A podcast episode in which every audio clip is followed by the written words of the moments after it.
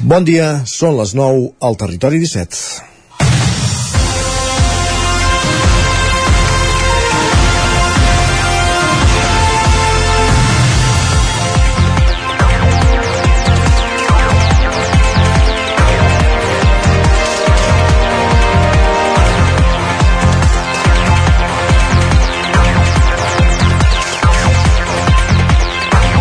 Malgrat els esforços dels professionals sanitaris i les millores que s'han fet en els últims anys, és evident que Vic necessita ampliar els recursos de l'atenció primària. La pandèmia ens va recordar la importància de disposar d'una bona atenció sanitària. La població ha augmentat en un 60% en els, les tres últimes dècades, passant dels 30.000 als 48.000 habitants. Però la situació continua tenint només dos centres d'atenció primària. Un al nord, l'ambulatori de la plaça Divina Pastora, ubicat en un edifici que es va construir l'any 1970, i un altre al sud, al Remei, en què habiten uns espais que formaven part del centre comercial Vic Els metges ja no, es poden atendre, ja no poden atendre més pacients i els dos edificis tenen limitat el seu creixement. Les inversions anunciades fins ara pel Departament de Salut, 8 milions d'euros per remodelar i ampliar l'edifici del Cap Vic Nord i 1,3 pel Cap del Remei, eren una solució pensada a curt termini. La informació que ha avançat el conseller Manel Balcells en una entrevista al Nou TV aquest divendres, que Salut construirà un nou equipament que substituirà l'actual CAP Big Nord i que estarà dimensionat al creixement de la població i els nous rols professionals, és una gran notícia per a una ciutat que aviat superarà els 50.000 habitants. Fins ara s'havia parlat de construir un tercer CAP, però l'aposta del departament implica fer-ne un que substitueixi l'actual de la plaça Divina Pastora i que sigui més gran. El CAP Vic Nord, amb una plantilla de 132 professionals, dona cobertura a una població de gairebé 28.000 persones i atén una mitjana de 1.300 visites diàries en els diferents serveis de medicina familiar, pediatria, ginecologia o odontologia. El Departament de Salut i l'Ajuntament de Vic han d'acordar ara quin és l'emplaçament idoni per al nou equipament. Se n'han posat alguns sobre la taula. Cal que hi hagi un consens en una decisió tan important com aquesta i que es posi per davant l'interès dels ciutadans. I també aprofitar que l'actual edifici de la Divina Pastora, aixecat fa 50 anys en l'espai que ocupava l'antiga presó, continuï oferint un servei per la població.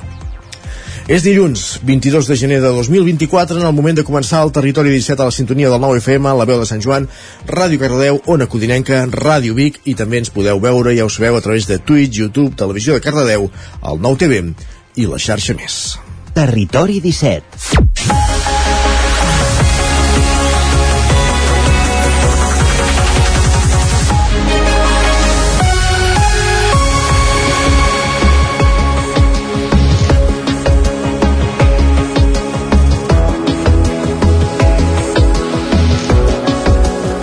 3 minuts que passen de les 9 del matí en el moment de començar el territori 17 aquest gèlid matí de dilluns 22 de gener el magazín de les comarques del Vallès Oriental l'Osona, el Ripollès, el Moianès i el Lluçanès que us fa companyia cada matí durant dues, dues hores, entre les 9 i les 11 de quina manera, amb quins continguts? Doncs ràpidament fem un repàs al menú del matí d'aquest matí de dilluns, en aquesta primera mitja hora ens dedicarem a aprofundir en les notícies més destacades de les nostres comarques, les notícies del territori 17, en connexió amb les diferents emissores que dia a dia fan possible aquest programa. També farem un cop d'ull a la previsió del temps, amb en Pep Acosta, el nostre home del temps, des d'una codinenca, i ens endinsarem al quios per repassar quines són les portades dels diaris del matí amb Sergi Vives, des del 9FM. A partir de dos quarts de deu pugem al tren a la Trenc d'Alba amb l'Isaac Muntades recollint les cròniques dels oferts usuaris de la línia de tren Barcelona-Granollers-Vic Ripoll-Puigcerdà com cada dia a la Trenc d'Alba i acte seguit a l'entrevista obrim ja la temporada carnavalesca. I és que aquest cap de setmana Centelles obre la, els caps de setmana festius dedicats a carnavals amb el cau de bruixes. El següent cap de setmana arribarà el carnaval de Centelles i el següent ja serà la festa grossa amb el Carnaval de Derra dins del cap de setmana tra eh, històric tradicional de, de Carnaval. I de tot plegat en parlarem amb l'Anna Chávez, regidora de Cultura de l'Ajuntament de Centelles, d'aquest cau de bruixes que arriba aquest cap de setmana i del Carnaval de Centelles del cap de setmana següent a la connexió eh, que seguit sortirem a l'exterior com cada matí amb en Roger Rams avui per parlar d'oliveres del Vallès Oriental ja explicàvem la setmana passada que hi havia hagut poca producció d'oliva per fer oli a causa de la sequera i avui entrarem en fons en aquesta qüestió. Notícies a les 10, la previsió del temps i a partir d'un quart d'onze, com cada matí, repàs esportiu com cada dilluns, repassant què ha donat així el cap de setmana esportivament parlant pels equips i esportistes de les nostres comarques. Acabarem el programa com cada dilluns, primer endinsant-nos a Twitter i acte seguit a la tertúlia esportiva en un cap de setmana en, en titulars com per exemple el Madrid remunta l'Almeria eh, 3-2 en un dels partits més polèmics de la història de la Lliga. Realment ho tindrà cru el Girona per guanyar aquesta Lliga, però no per de mèrits propis, sinó per per mèrits dels altres i ajudes. Eh, el, el Girona, però, de totes maneres va fer la seva feina. Girona 5, Sevilla 1. També va guanyar el Barça al camp del Betis. Betis 2, Barça 4 mentre que l'Espanyol també va sumar 3 punts aquest cap de setmana després de golejar, ai, de guanyar a casa el Vilarreba al B per 2 a 1.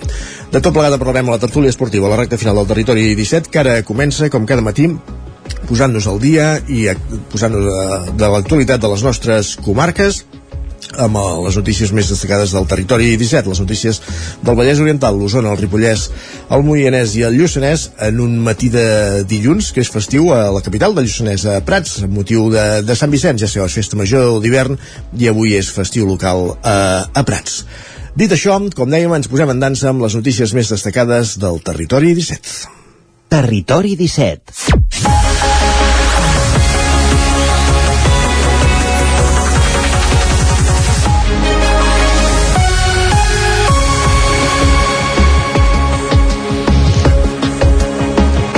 El conseller de Salut, Manel Balcells, inaugura les obres de l'edifici d'urgències de l'Hospital Universitari de Vic. Sergi Vives, al 9 FM. Després d'un any d'obres, l'Hospital eh, de Vic estrena noves instal·lacions d'urgències i també un model pioner de porta única per tots els pacients de la comarca.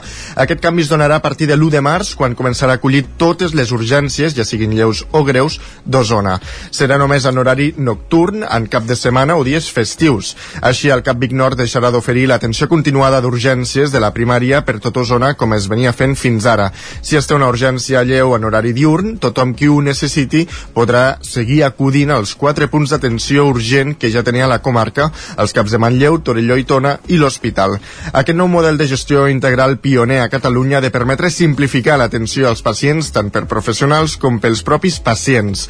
Manel Balcells és el conseller de Salut i Judit Roca, la directora del Servei d'Urgències de l'Hospital. Els pacients a dia d'avui poden anar a urgències de primària i poden venir urgències hospitalàries. L'única cosa que canviarà a partir del març és que tornaran a estar ubicats al mateix espai físic, no? separant a través del triatge després els pacients de més baixa complexitat i els pacients de més complexitat. Però el que és realment interessant és una direcció única d'urgències. La gent a vegades no sap eh, a quin lloc ha de rebre l'atenció que necessita, aleshores eh, el, el motiu de porta única és facilitar a l'usuari el seu accés a una atenció urgent en el moment que ho necessiti les obres han permès augmentar fins a un 38% la superfície de la zona d'urgències. Ara disposen de 57 bocs, 11 dels quals nous que es dedicaran a l'observació, pediatria i salut mental.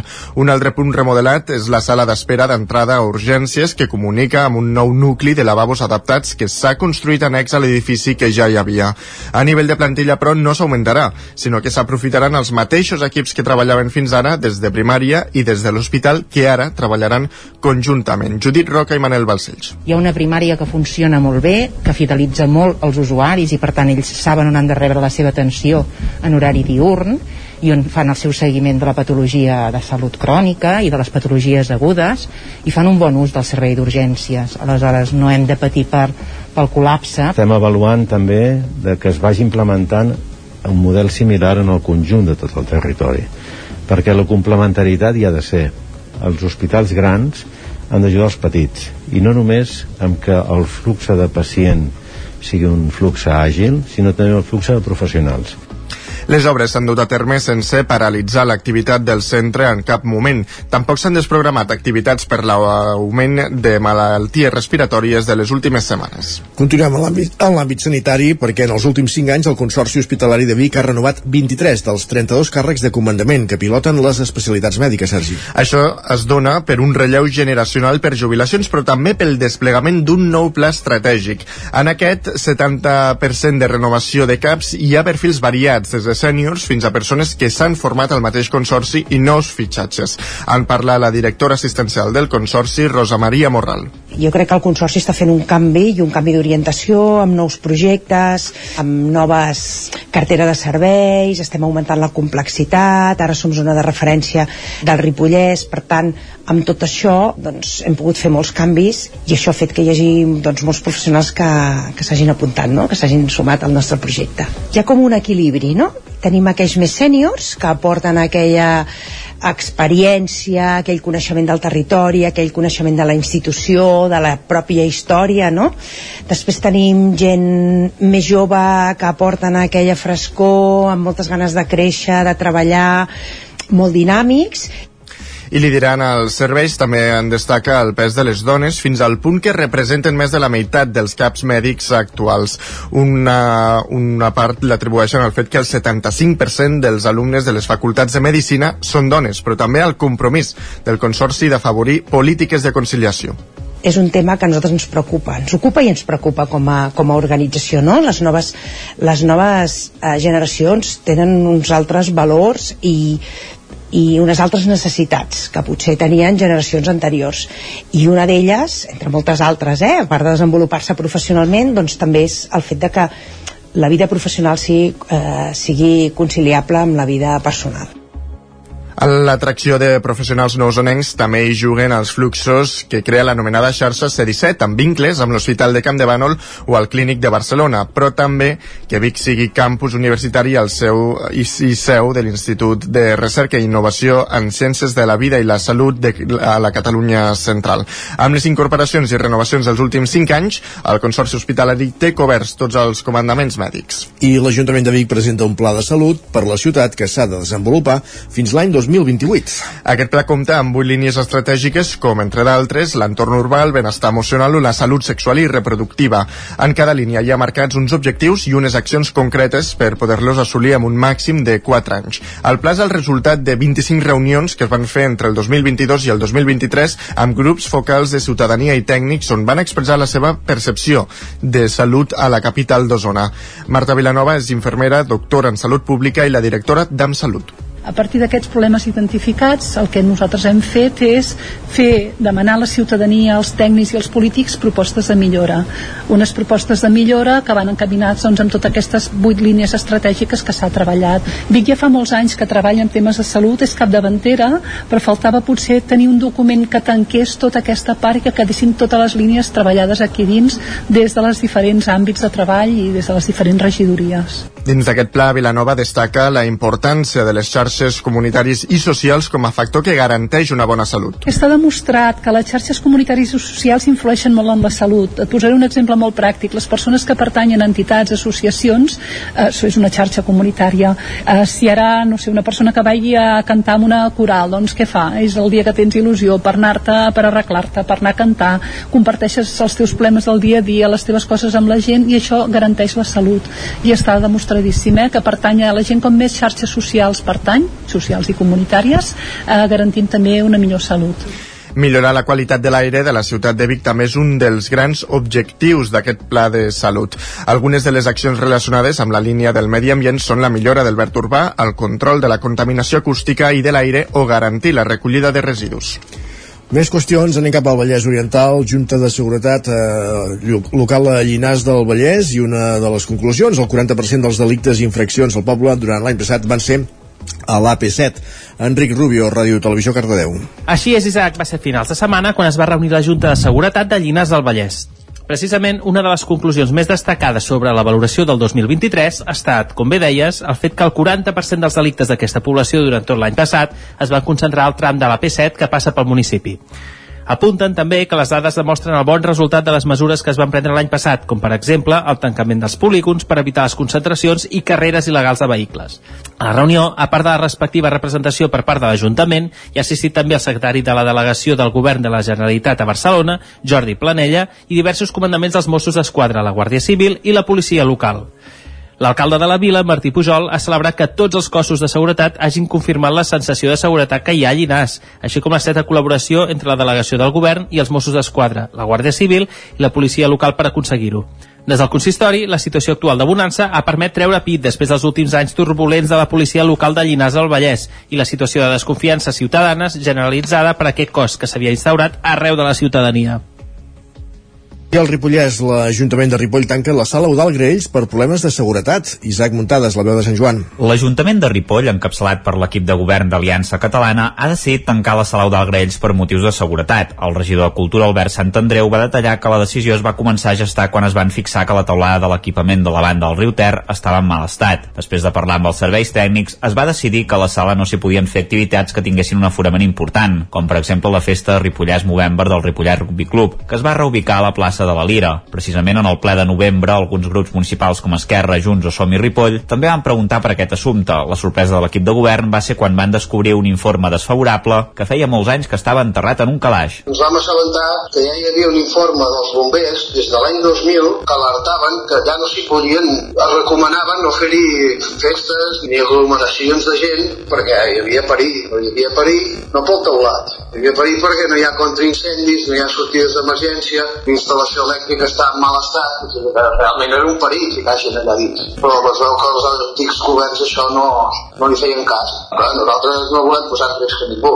De fet, l'edifici també s'hauria d'ignifugar per tal d'augmentar-ne la seguretat. Sant Andreu deia que ara dormirà tranquil i que no poden dir el mateix als equips de govern dels últims 23 anys de Convergència i Unió, Esquerra Republicana de Catalunya, el PSC, Iniciativa Els Verds i Junts. Des de l'equip de govern ara han de decidir si fan una actuació més petita per sortir del pas i reobrir la sala, que també seria més assequible econòmicament, o hi fan una inversió per rehabilitar-la totalment i posar-la al dia. Sigui com sigui, el procés pot anar per llarg i a curt termini no es preveu que la sala estigui disponible. El regidor de Cultura va apuntar que és una de les sales que es fan servir més a Ripoll i és molt necessària. De fet, allà hi ha ubicat el punt Òmnia i l'espai família, però a més el bar també haurà de tancar i no s'hi podran fer els balls dels avis del diumenge. L'Ajuntament ja està treballant per reubicar totes aquestes activitats i pràcticament ho té tot emparaulat. Les reaccions polítiques no es van fer esperar i alguns partits de l'oposició com Esquerra Republicana i l'Alternativa per Ripoll CUP ja van reaccionar a la decisió. En el cas dels republicans deien una piulada que Oriols havia promès tancar la mesquita i havia acabat tancant la sala del Graells fent una gestió nefasta. Una piulada que va rebre moltes crítiques per part dels seguidors d'Oriols que titllaven d'irresponsables els republicans que havien governat per un període de 8 anys al consistori. El porteu copaire, Dani Vilaseca, deia que la capital del Ripollès es feia més petita amb el tancament de la sala. I Caldes de Montbui s'erigeix com a referència als tres tons del Vallès Oriental amb la passada més multitudinària de la comarca, Roger Rams, zona codinenca. Sí, exacte. Caldes de Montbui ha viscut aquest diumenge el dia de festa grossa en la celebració de Sant Antoni Abat, amb el passat dels tres toms com a acte central. Uns 200 animals de peu rodó vinguts de diversos punts dels dos Vallesos es van congregar a Caldes per participar en aquesta activitat. Enguany la Vila Termal, com dèiem, s'ha erigit com a la referència dels tres toms al Vallès Oriental, ja que moltes poblacions o bé l'han cancel·lat per manca de pressupost i de participació, o bé l'han reduït respecte d'altres anys.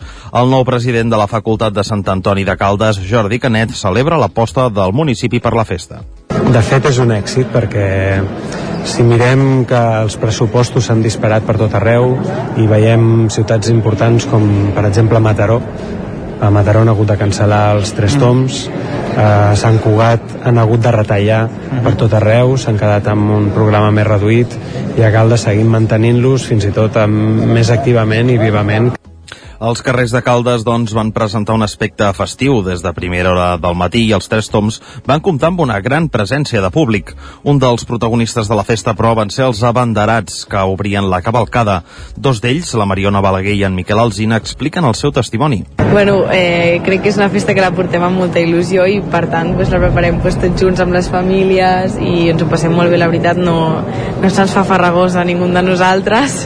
Perquè la festa jo crec que aquí els quatre l'hem esperat durant molts anys perquè hem ballat des de ben petits uh -huh. i hem viscut la festa des de ben petits per tant vull dir, sabem de lo que va i que el diumenge és el dia que esperem que vingui i ja el que sigui serà que serà un dia bonic segur Cal mencionar també que durant la passada prop d'una vintena de persones es van manifestar en favor dels drets dels animals. Coordinats per la plataforma Stop 3 Toms van mostrar pancartes reclamant la fi de la utilització d'animals en aquest esdeveniment i denunciant el tracte, segons ells, abusiu que aquests reben en els tres toms d'arreu del país aquesta és una qüestió que, com explicàvem la setmana passada, ja està en vies de solució, si més no, o resolta. A Taradell, per exemple, han estat pioners amb l'aplicació d'un protocol que la Generalitat ja s'ha fet seu per aplicar en festes dels tres toms d'arreu del Principat. Acabem aquí aquest repàs informatiu que començàvem al punt de les 10 de, de les 9 del matí en companyia d'en Roger Rams, en Sergi Vives, l'Enric Rubio i l'Isaac Muntades. Moment tot seguit de saludar també en Pep Acosta.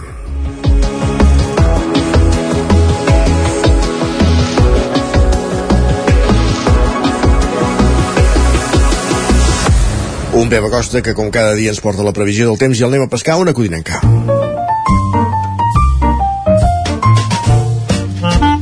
Casa Terradellos us ofereix el temps. Pep Acosta, benvinguts. Bon dia, bon dilluns, bona setmana. Hola, molt bon dia. Què tal? Per fi som dilluns, per fi comença una nova setmana.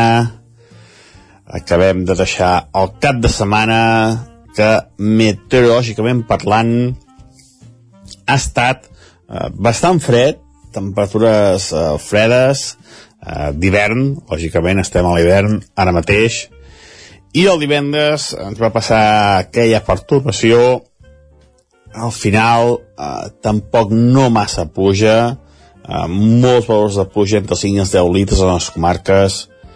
Mm, per tant tampoc no va ser uns valors molt importants ni de bon tros la nevada tampoc no va ser molt destacada eh, en definitiva eh, no va fer ni pessigolles a la gran sequera que estem tenint i que estem eh, patint. I ja aviso que aquesta setmana serà una setmana eh, molt negra, molt negra pel que fa al temps. Um, avui es nota, avui es nota Uh, les temperatures ja són uh, ja no han baixat tant les temperatures mínimes. I atenció perquè a alta muntanya mm, hi han temperatures aquest matí ja de de 6, 7, 8 graus a uns 2.000 metres d'altura. Per tant està entrant molt aire càlid i cada dia es notarà més aquest aire càlid. Uh, a partir de dimecres, sobretot dijous unes temperatures entre 10 i 15 graus més altes del que tocaria entre 10 i 15 graus més altes del que tocaria, que és una autèntica eh, barbaritat les temperatures que podem tenir eh, a partir d'aquest dijous, eh? seran molt, molt altes. Eh, eh, avui això ja es nota, com deia, aquest aire càlid, eh, va pujar la temperatura, i eh, al migdia tindrem alguns valors entre els 13 i els 17 graus de màxima a totes les nostres comarques. I és que va entrant aquest, aquest aire càlid, que a vegada es notarà més, un potentíssim anticicló, es situa ben bé al mig de la península ibèrica, eh, tindrem algunes boires, eh, tindrem molta tranquil·litat i molt, molt de sol durant tot el dia d'avui. Eh, les boires encara no seran persistents, però sí que n'hi ha una, però es, es dissiparan. Els jocs amb boira, a partir de, sobretot demà i, i, dimecres, la temperatura serà baixa, però els jocs sense boira, com deia, no pararà de pujar la temperatura i seran valors molt, molt alts durant tota la setmana. Ni glaçades, eh, ni pluja, eh, ni res de res durant tota aquesta setmana. El gran anticicló serà el gran protagonista. Uh, I això és tot, uh, no puc dir res més, només dir això, que tindrem una setmana negra perquè fa el temps, amb molt de sol, amb temperatures molt més altes del normal i amb zero gotes de precipitació. Que tingueu un dilluns i cada dia anirem parlant de, del temps, però ja aviso que cada dia serà el mateix. Durant tota aquesta setmana, cada dia tindrem el mateix temps. Uh, cap núvol gairebé, molt de sol, anticicló, anticicló i anticicló. Adéu, fins demà. Casa Tarradellas us ha ofert aquest espai. Gràcies, Pep. Parlem d'aquí una estona, ara però anem al quiosc perquè és moment Sergi, Sergi Vives, el 9FM, de repassar quines són les portades dels diaris del matí. Avui és dilluns, per tant, toca començar per les portades de les dues edicions del 9-9. Així és, començarem per la d'Osona, el Ripollès i el Lluçanès, que ens diuen que Salut construirà un nou cap a Vic que substituirà el de la plaça Divina Pastora.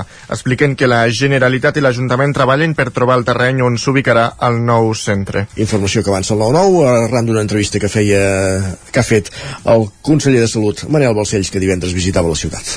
Així és, també destaquen el malestar pel, dels botiguers del centre de Vic pels robatoris a establiments. I al 9-9 del Vallès Oriental destaquen que cinc escoles i instituts del Vallès Oriental porten més d'una dècada en barracons. Expliquen que els centres afronten els problemes de fer classes en edificis provisionals.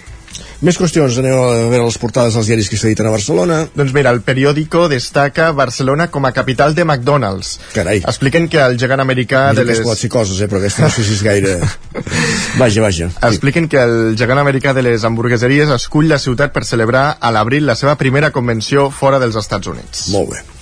La Vanguardia diu que Sánchez i Feijó es fan retrets per haver deteriorat la democràcia. Expliquen que el líder del PP es presenta com a garant per frenar una deriva independentista i el del PSOE li recrimina la guerra bruta.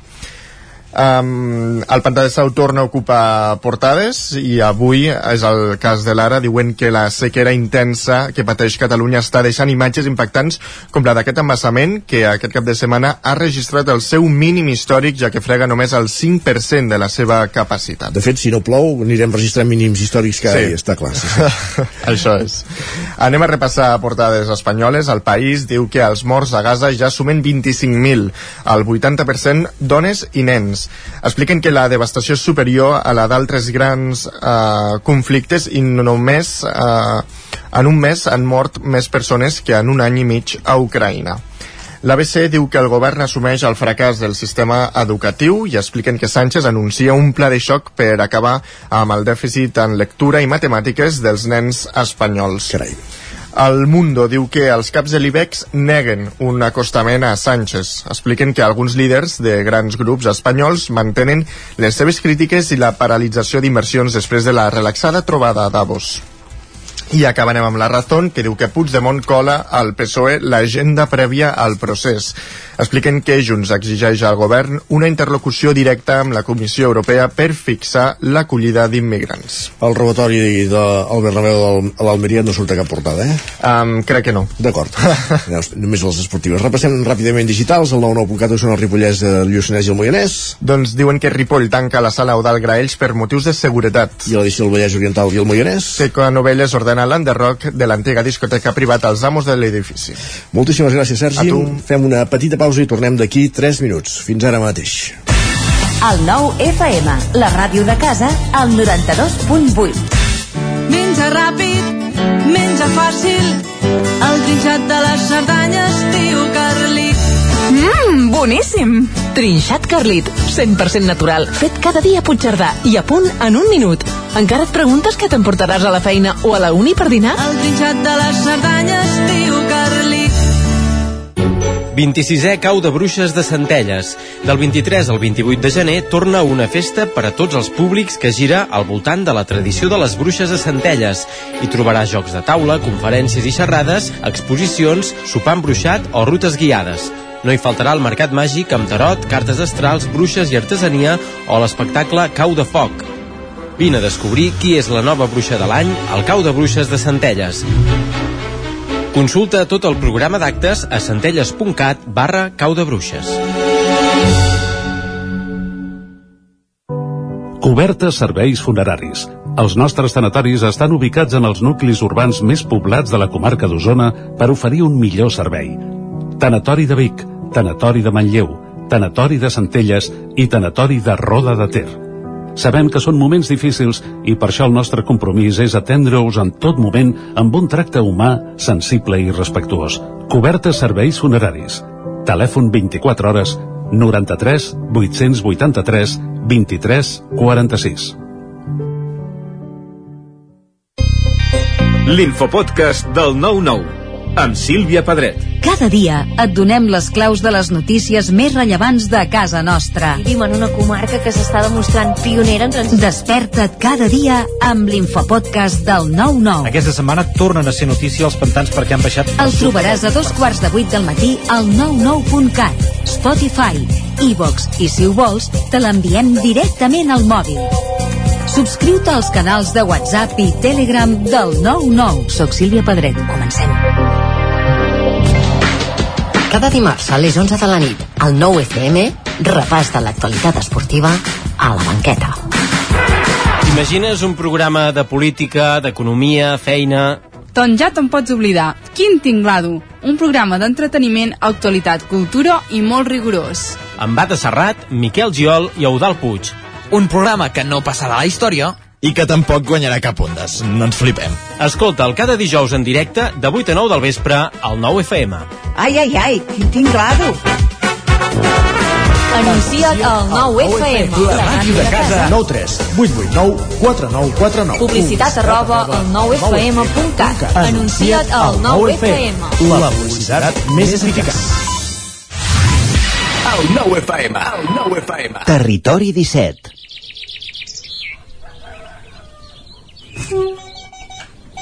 A Tren d'Alba.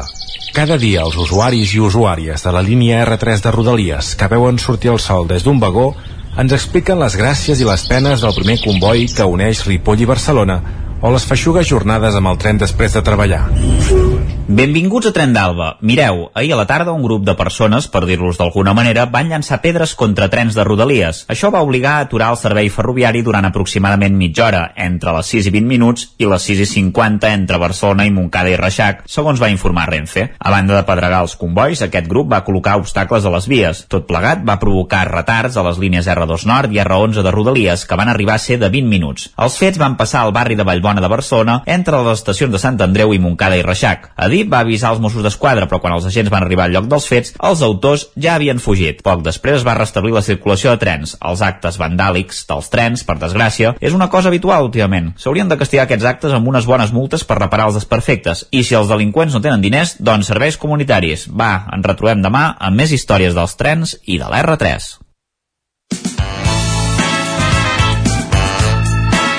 Territori 17.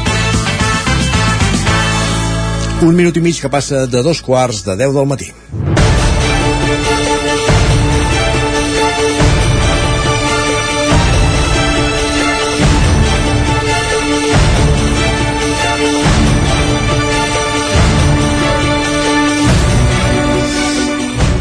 Ho dèiem a l'inici del programa, aquest cap de setmana Centelles obre el calendari de festes relacionades amb el Carnaval a la comarca d'Osona. La Rua de Carnaval, però, serà el següent cap de setmana. Aquest cap de setmana és el torn de la bruixeria amb una nova edició de la 26a del Cau de Bruixes. Per parlar de tots els preparatius del Cau de Bruixes i també de la Rua de Carnaval a Centelles ens acompanya la regidora de Cultura de l'Ajuntament de Centelles, Anna Chaves. Benvinguda, bon dia. Bon dia i gràcies per deixar-nos doncs, estar aquí amb vosaltres.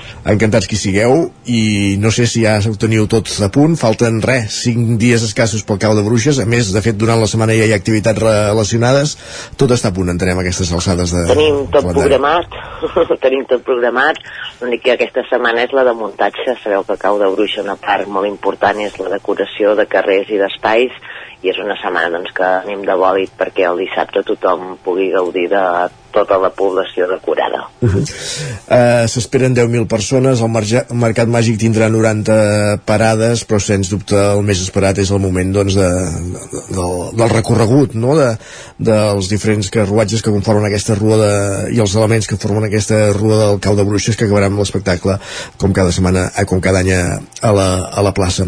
Quines novetats podem preveure en aquesta, en aquesta 26a edició? L'enfoc de, del cau de bruixes aquests últims anys l'hem anat canviant perquè sí que abans ho centralitzàvem molt a la tarda, o el dissabte tarda, i ens trobem doncs, que ja tenim molt públic a partir doncs, de les 10 del matí. Uh, al matí l'hem omplert d'espectacles tant per a, per a adults com sobretot per infantil, per públic infantil, tallers, jocs, i sí que ja comencem a fer espectacles de teatre al matí, cosa que que fins fa poc això no ho fèiem, començàvem a, a la tarda, perquè tenim una magnitud de públic molt, molt gran i els hi hem de donar doncs, moltes activitats. Sí que a la tarda doncs, que els dos, els, les dues obres de teatre, de teatre que fem, tant a toc de campana com a poder de les herbes que va relacionant amb el quin serà acabarà sortint la bruixa de l'any, eh, es, es aniran produint al llarg de tota la tarda, per tal doncs, que tot el públic pugui gaudir d'aquest espectacle i no quedi tot centralitzat en una mateixa hora. Sí que és cert que a les 8 i mitja serà l'espectacle final, amb l'aparició de la bruixa d'any que, que és esperada de poder saber qui serà aquest any. Evidentment, sempre és una de les incògnites que es, que es revela el dissabte a última hora al fi d'aquest espectacle. Qui, qui és la bruixa de l'any?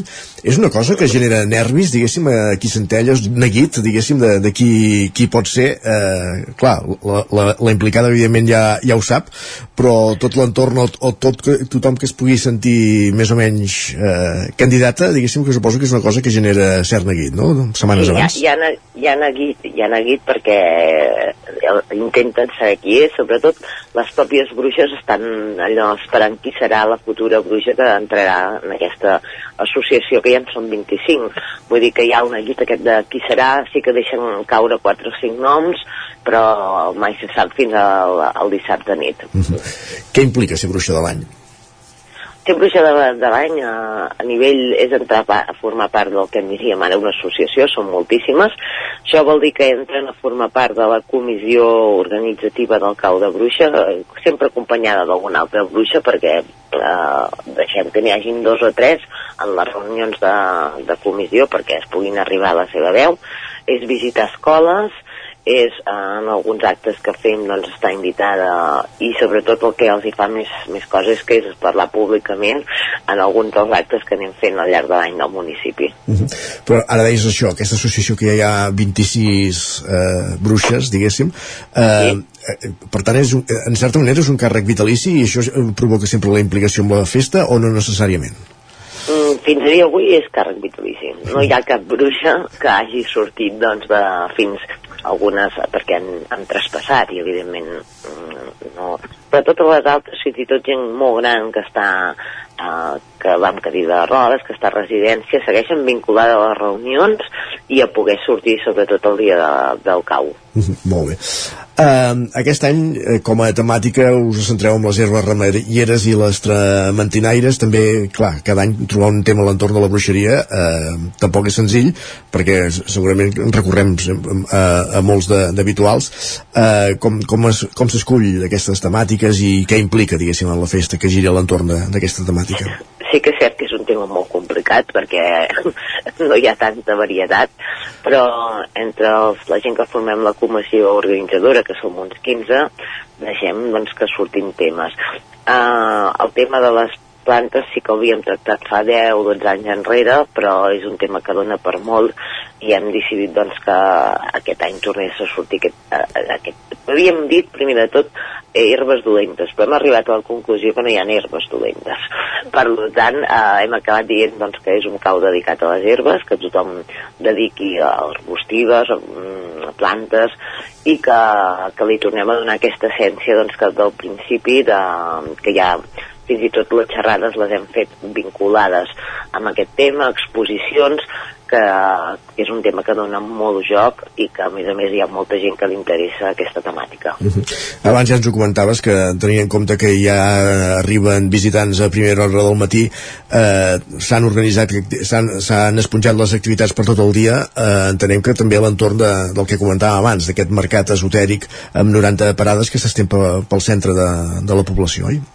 Sí, el mercat eh, l'hem esponjat més i el que sí que hem fet és obrir una zona nova que fins ara no, no s'havia utilitzat mai, que és el Pla del Mestre. Ens vam trobar amb una realitat, és que mm, 10.000 persones el, els nostres propis serveis de restauració no donen a l'abast i eh, hem tingut, uh, ens hem vist obligats i amb la necessitat d'obrir una zona doncs, de pícnic i de, de full tracks per a tota aquella gent que es vulgui portar al, al dinar, al sopar aquest dia o que pugui doncs, poder comprar amb, amb tranquil·litat i que no hi hagin cues en el moment de, de poder accedir a, a les zones de menjar. Uh -huh. I durant la setmana, com deien, hi ha, hi ha diverses activitats relacionades amb el cau de bruixes, eh, conferències, xerrades, activitats, tallers, eh, per anar escalfant l'ambient, oi? Sí, tenim la sort de que les entitats estan molt actives. Des de la biblioteca es fan activitats, hi ha la presentació d'un llibre d'en Juli Peris del grup poètic, a més a més els espais joves també es vinculen amb tallers, eh, després tenim el dijous el conte conte per al públic més infantil. I no surt un programa però les bruixes aquesta setmana estan anant a totes les escoles. Aquí la bruixa d'any sempre escull un nom d'un carrer o d'una zona coneguda del municipi i fa, els hi fa una explicació de l'espai a totes les, a totes les grups classe del municipi i així van tenint ja una setmana embruixada. Uh -huh. Això és el cau de Bruixes, com dèiem la, la festa obre el calendari de, de festes de, relacionades amb el Carnaval a la comarca d'Osona i amb això Centelles us avanceu primer amb el cau de Bruixes i la setmana següent ja, primer, ja la, la primera rua de, la gran rua de Carnaval la primera gran rua de Carnaval de la comarca d'Osona queda encara una setmana pel Carnaval però entenc que les colles carrosseres ja ho han tenint també tot a punt. No sé si hi ha novetats a l'entorn del recorregut aquest any o, o de la festa No. en si. El recorregut es manté el dels últims anys, el de, des de la residència fins al pavelló, on finalitzarem doncs, amb, amb música fins a les 4 i mitja de la nit. I el, el nivell de participació es, es manté molt igual que l'any passat vull dir que, i el més bo és que les escoles doncs, tornen a sortir la majoria doncs, tornen a sortir en aquesta rua del Carnaval molt pensada per públic familiar. És la 43a rua del Carnaval de, de Centelles eh, una, una rua ja, com dèiem, més que, més que consoli- consolidada i que també fa, que s'espera ja des de fa moltes setmanes. No sé si has pogut anar veient ja com evoluciona la construcció de, de carrosses si hi haurà sorpreses aquest any com, com està la cosa el nivell, he tingut la sort de poder anar a les dues naus que tenim destinades a la fabricació de, de carrosses, el nivell de participació és alt i la veritat és que hi ha carrosses amb un nivell de qualitat doncs, que quan es posin en funcionament seran molt dignes de veure. La setmana passada, quan fèiem les presentacions, la roda de premsa parlàveu de 17 comparses inscrites i 6 grups individuals. Entenem que es mantenen aquestes xifres, no hi haurà variació, eh? No hi haurà variació. Es manté en el que, com que la preinscripció acaba això, i rascarem les 950 persones. 950, 950 persones a la rua. Aquí, en el cas del Carnaval, sí que es concentra tot eh, dissabte o hi ha altres activitats prèvies? Bueno, s'inicia amb el pregó la setmana abans, com bé has dit a l'inici, amb el pregó que és el dia després de que el fa el grup de la gent gran d'aquí al municipi, sí. que és una setmana abans, i després tot es centralitza el dissabte. Sí, no hi ha una prèvia com antigament doncs, s'havia fet el divendres algun concert, no, es centralitza tot el dissabte perquè realment el ritme de la població de Cau de Bruixes més, ca més carnaval eh, fa que anem molt collats d'agenda. Molt bé. Eh, comentaves això, el pregó, qui, el, qui dius que el fa? Ah, el grup de teatre de la gent gran d'aquí al municipi. Molt bé. Cada any es busca un pregoner diferent, entenem, eh? Sí, cada any intentem que sigui una entitat diferent o alguna persona individual que creiem doncs, que té com va ser en Guim i l'Arnau, vull dir, però sempre és algú del municipi, mai no, no, no, no treballem, bueno, el pregó fa gent vinculada a les entitats. I la figura del Ricard Estoltes, eh, si no recordo malament a Centelles, ja fa molts anys que es fa allò de que la carrossa guanyadora d'una edició l'any següent porta el Ricard Estoltes, i aquesta figura, diguéssim, l'encarna alguna persona en concret o és la mateixa colla qui, qui ho escull? No, eh, el- s'escull de les persones participants, qui vol s'apunta en un llistat de qui vol portar el rei Carnestoltes, qui vol ser el rei Carnestoltes. I el dia del ball i l'entrega de premis, doncs, eh, un mà innocent escull qui serà, qui portarà eh, el rei Carnestoltes. No necessàriament és el guanyador, sinó és qui s'inscriu i qui entra a votació. I aquest any quina colla serà, per tant, qui el porti? El, el petit triquet, uh, de l'entitat del triquet, els petits triquets, els, els infantils. Molt bé. Això vol dir que es va fent planter, perquè el Triquet és una colla històrica i que ja hi hagi la versió petita és que la cosa va, va tenint continuïtat, eh? L'entitat del triquet, que és una entitat doncs, que se li ha de donar les gràcies pels anys que porta col·laborant al món de la cultura santanyenca, uh, tenim la sort que estan en un moment d'auge infantil. És a dir, tota aquesta generació que fins fa poc eren els joves, sí. doncs estan fent un nou planter que la veritat que els hi creen vincles entre ells per tal de que puguis seguir sent la colla del triquet. Dèiem això, que la de Centelles és la primera gran rua que es fa a la comarca d'Osona i moltes de les carrosses que, que, o algunes de les carrosses que veurem a Centelles també desfilaran la, al cap d'una setmana per la, per, la, per la gran rua de Torelló, diguéssim, no? Per tant, eh, i és, sempre és un bon preludi per començar a veure per on aniran la, les maneres, si més no de les colles que, que, no són de, que no són de Torelló, diguéssim, i que ja desfilen a, a Centelles una setmana abans. Sí, aquí n'hi ha tres o quatre que totes acaben a Torelló i que tenim la sort doncs, que algunes d'elles doncs, cada any tenen, són premiades. Vull dir que sí, que ja es pot veure el, més o menys el, el nivell que es mourà a Torelló és un preludi, com bé has dit. Doncs el que dèiem, eh, dues setmanes, dos caps de setmana molta activitat a Centelles, primer amb el cau de bruixes, després amb la rua de, de Carnaval, tot comença ja aquest proper cap de setmana. Eh, Anna Chávez, regidora de Cultura, que vagi molt bé aquests dies de feina intensa, però també segurament agraïda, no? perquè són aquelles setmanes de, de l'any que, que tothom espera i, i que realment quan, quan ha passat doncs tothom ho, ho celebra. Sí, la veritat és que en tenim ganes, les entitats estan actives, uh, sembla ser que el fred ens respectarà, vull dir que contents i amb ganes de celebrar un nou cau de bruixes i sortir uh, com, a primer, com el primer municipi que fa activitats a l'entorn del Carnaval. I moltes gràcies doncs, per deixar-nos uh, explicar la nostra festa aquí en directe. Oh, i tant, només faltaria. Queda recollit i que vagi molt bé aquests dies. Bon dia. Merci, bon dia.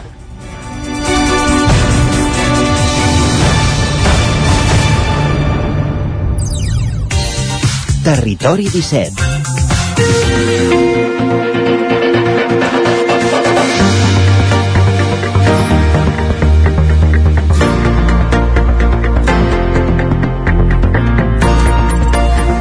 Menys millor que passen de 3 quarts de 10 del matí, hem parlat de Carnaval i ara volem parlar d'oli, eh, perquè de fet tots eh, anem al lineal del supermercat o a la botiga, a l'economat a buscar oli o als mercats i des de fa uns mesos notem els increments de, de preus i això té una motivació que és que la sequera provoca també menys producció d'oliva i per tant en conseqüència també menys oli. Això també ho noten els productors del Vallès Oriental on s'està treballant amb aquesta DO de l'oli de, de Vera i avui en Roger Rams visita un d'aquests productors a Sant Feliu de Codines mateix.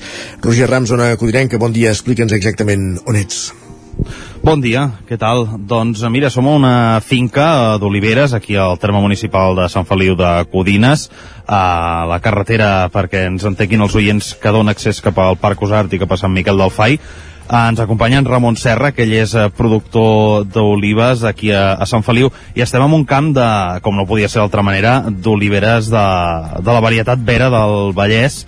Ramon, què tal? Benvingut, bon dia. Hola, bon dia. Bé, anem fent. Sí, sí anem fent, eh? Aquest, aquest seria, aquest seria el, la, la resposta, uh, perquè, clar, aquest any uh, hi ha diversos factors que tot seguit abordarem que han afectat la, la collita de, de l'oli aquí al Vallès, de, de l'oliva aquí al Vallès. Primer de tot, haig de preguntar com està sent aquesta campanya. Bueno, aquesta campanya ha sigut desastrosa, parlant clar. Hem arribat a, per sota d'una tercera part de lo que produïm normalment la sequera és el principal culpable. Llavors aquí va passar que la, flor que, la primera flor que hi va haver, el, els, els graus, bueno, la temperatura i el sol que feia van arribar a cremar aquella flor, que ja venia fluixeta per la falta d'hidratació, els arbres estaven estressats, la van purgar, va caure tot, purgar vull dir que es va perdre pràcticament tota aquella flor, i llavors es va ploure una micona a, mitja, a mitja primavera, i va fer que tornessin a brotar. Va ser com un fenomen diferent del de lo normal, no? va trencar el rellotge biològic. Al tornar a brotar, van treure flor, eh, va treure una mica d'oliveta, però aquesta oliva pràcticament no ha arribat a la campanya. I és curiós, perquè ara passes per arbres que van produir bastant oliveta d'aquesta tardana, i sembla ser que s'han recuperat, però esclar, ja ha passat la campanya, ha passat tot. Però aquest trencament de, del calendari o rellotge biològic eh, ens ha afectat molt, sí. I llavors, és clar, si no tornem a, a recuperar el rellotge aquest de dir plou a la tardor, plou a l'hivern, eh, ha de fer les hores de fred, torna l'arbre a retornar de l'estrès, del fred i de la, i, i, i el propi de, de, de la temporada, llavors torna a arrencar brotada i la brotada és la flor, evidentment, i la flor és el fruit. Llavors tot és la, una cadena pues, que és el que fa que tinguem una collida normal. Ara parlàvem molt de, de la sequera, de la manca d'aigua, no? que, que també doncs, ja va fer la campanya passada que la flor vingués fluixeta, justament per això perquè li faltava, li faltava aquesta aigua que no hem tingut. Hi ha més factors aquí al Vallès, però, que, que et juguen en contra. Per exemple, la presència de senglars, estem res a 30 metres del bosc. Sí, sí, sí. Mireu, aquest camp pràcticament és cavat de dalt a baix del senglar hi ha varietats que abans els senglars no, les olives no, no els agradaven no, no, però clar amb la falta de menjar, de gra la sequera pertinent, molt, molt, molt forta i sense producció de glans ni menjar al bosc per, per aquests animals salvatges, pues, clar, han provat les olives, me n'he donat compte que les arbequines, la I-18, que és aquesta que es va promocionar al seu temps des del Departament d'Agricultura, els agrada més que la vera. La vera potser és més amarga, més dura, els arbres són més alts, i, i bueno, no l'han atacat tant, però en canvi els arbequins i aquesta I-18, aquests, aquests arbres més jovenets, eh, hi ha zones que han patit l'atac d'aquests senglars i han trencat arbres i branques i bueno, aquest mal és, és molt emprenyat, és molt, molt dur perquè, és clar l'arbre el, el reduïm, ha de tornar doncs, a, a brotar, a créixer i tornar a tenir l'arbre en condicions pues, costa, i les ferides aquestes pues, sempre són dolentes, clar. Sí, sí. Ara parlaves de la varietat vera, aquí al Vallès diguem que és l'estrella, no? una mica de la, la varietat autòctona, si més no. Explica'ns una mica què, què és l'oliva vera, per qui no ho conegui, que ens estigui escoltant. Bueno, és una oliva que ja són les que deien aragonesa.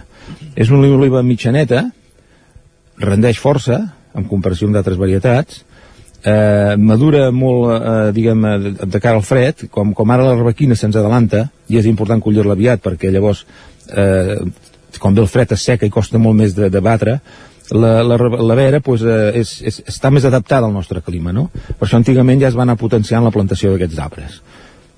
Realment és la més indicada per plantar en aquesta zona nostra i per cultivar. Mm. Jo sempre, bueno, tenim varietats diferents, però bueno, la reina per mi sempre és la, la clàssica, la, la de sempre, la vera, l'autòctona.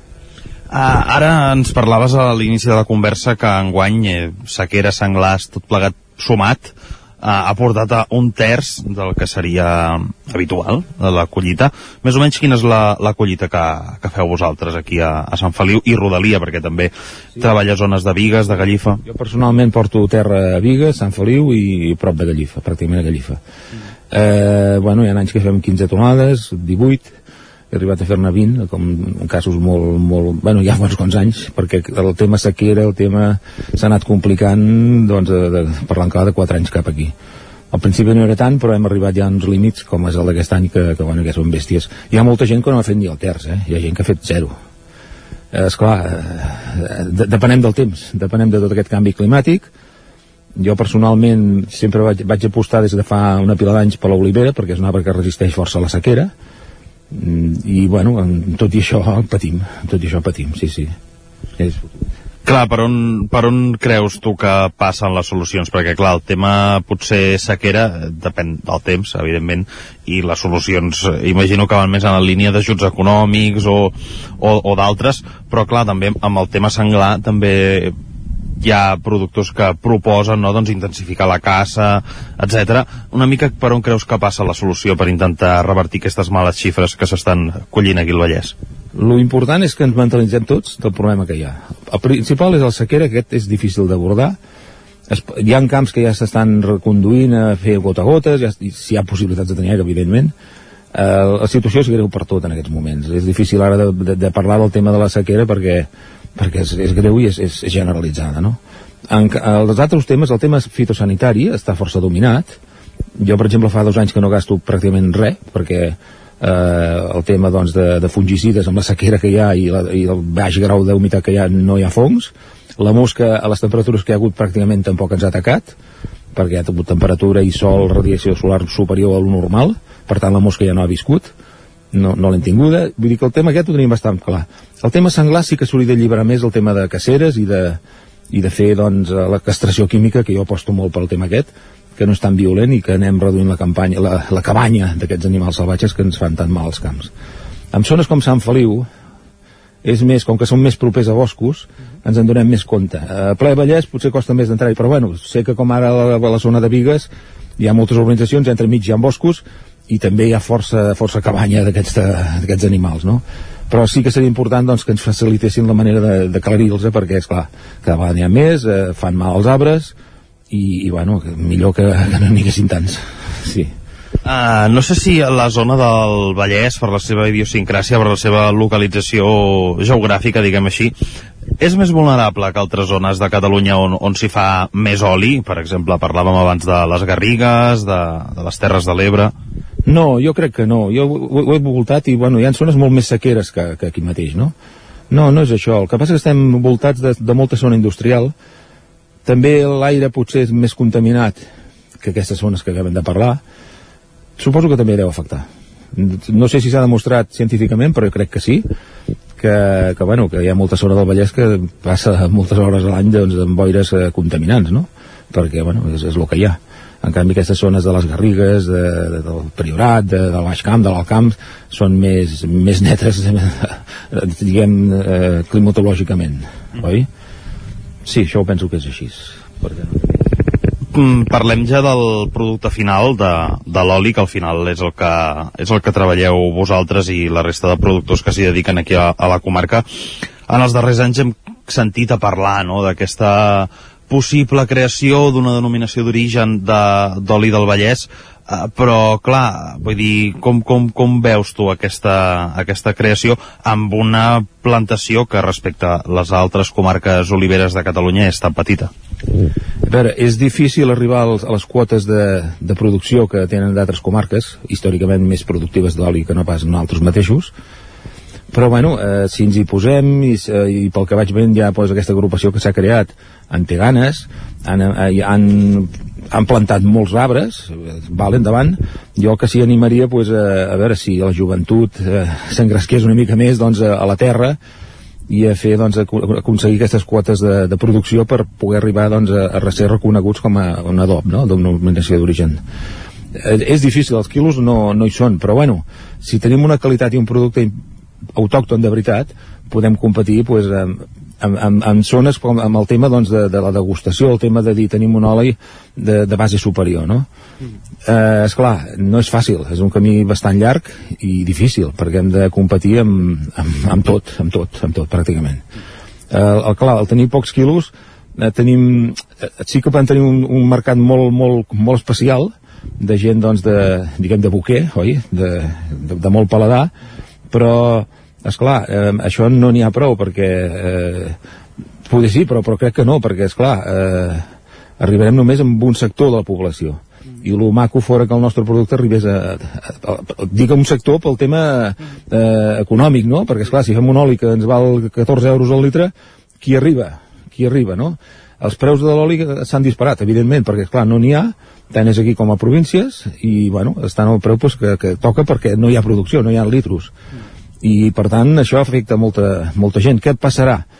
Ojalà que m'equivoqui, però molt, molt públic es pot tirar més els olis eh, no d'oliva, olis vegetals també, que ja n'hi han, i olis més senzills.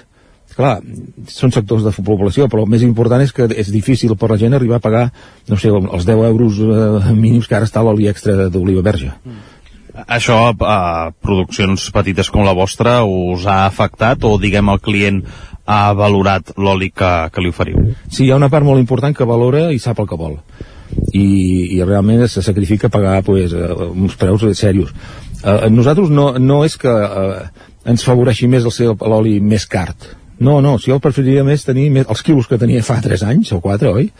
i que l'oli pues, estigués una línia més, una miqueta més que abans, evidentment, perquè tot ha pujat, però no hauríem d'anar aquests preus tan disparats que al final tampoc ens ajuden, perquè hi ha gent que, que es, es frena i diu, bueno, em costa gastar doncs, 20 litres l'any, en gasto 2 o 5 eh, hauríem de mirar de, de bueno, si sigués més producció pues seria tot més econòmic i segurament més competitiu mm -hmm. Doncs uh, moltes gràcies, Ramon, amb Roger, Ramon Serra. Roger, digues, digues, Isaac. Una última pregunta, si no us fa res. Sí. No, just volia demanar, uh, la sequera, evidentment, és evident que el que provoca és menys producció, però no sé si això també implica uh, una diferència de, de qualitat, és a dir, el fet que hi hagi me, menys aigua, uh, si provoca més acidesa de l'oliva, menys, uh, mm. i ara estic fent simils amb el món de, del raïm i el vi, eh? però, uh, mm. però, però si, si això fa variar també d'alguna manera la qualitat o el gust de, del producte final es pregunten si el, la, la, la sequera, la manca d'aigua ha fet variar el gust del producte final cap a bé, és a dir, ha portat més qualitat, més acidesa? No, no, jo crec que pràcticament hem anat per allà mateix. El que passa que l'oliva va arribar eh, a l'època de la collita amb menys aigua a dins del fruit, diguem, no? Eh, però la, la qualitat jo penso que pràcticament anem allà mateix. El, el trist, bueno, el, trist, a veure, el, el fort ha sigut que l'oliva pues, eh, ha, ha tingut uns, uns calibres, un, uns diàmetres de fruit molt més petits, portava menys aigua, els molins per poder-la treballar han hagut de consumir més aigua, perquè és clar per fer la pasta, per llavors treballar-la mecànicament, evidentment, eh, pues han hagut d'aclarir més la pasta perquè era molt espessa, molt, molt massissa, oi? Molt seca i és clar per poder-la treballar i fer l'extracció ben feta pues, s'ha hagut de gastar més aigua a molí per, per, per poder arribar als, a les qualitats que volíem treure doncs, de, de l'extracció de l'oli no? però no, no, el, el tema de la qualitat jo crec que anem allà mateix, pràcticament anem allà mateix sí. doncs eh, ja ho veus, eh, Isaac, que una mica aclarit. Uh, exacte, l'un per l'altre, no? Diguem, uh, sí, sí. un factor que, que compensa, que compensa l'altre. Però, però, doncs, com dèiem... però és la paradoxa, eh? que llavors també necessitem més aigua al, al molí, eh? Vull dir que... Exacte, exacte. Al final el consum d'aigua està allà, eh? El exacte. consum d'aigua al final està, està allà, ben, ben present. Uh, doncs res, hem conversat amb en Ramon Serrelles, uh, pagès, es dedica a la olivera aquí a Sant Feliu de Codines, a Vigues i Riells, i també a, a Gallifa, i amb ell doncs, hem conversat sobre l'actualitat del sector de l'oli aquí al Vallès Oriental i, i de cap on, cap on virarà que vagi molt bé, moltíssimes gràcies també Roger, i hem conegut més el detall de, de la situació de, de l'oli. Un, de, un mes dels damnificats. Com tant, ja és molt llarga la llista per aquesta sequera que ja fa gairebé 3 anys que, que arrosseguem. Roger, bon dia. Gràcies, bon dia, vagi bé. Nosaltres continuem al territori 17 i és moment per actualitzar-nos, és el moment de les notícies.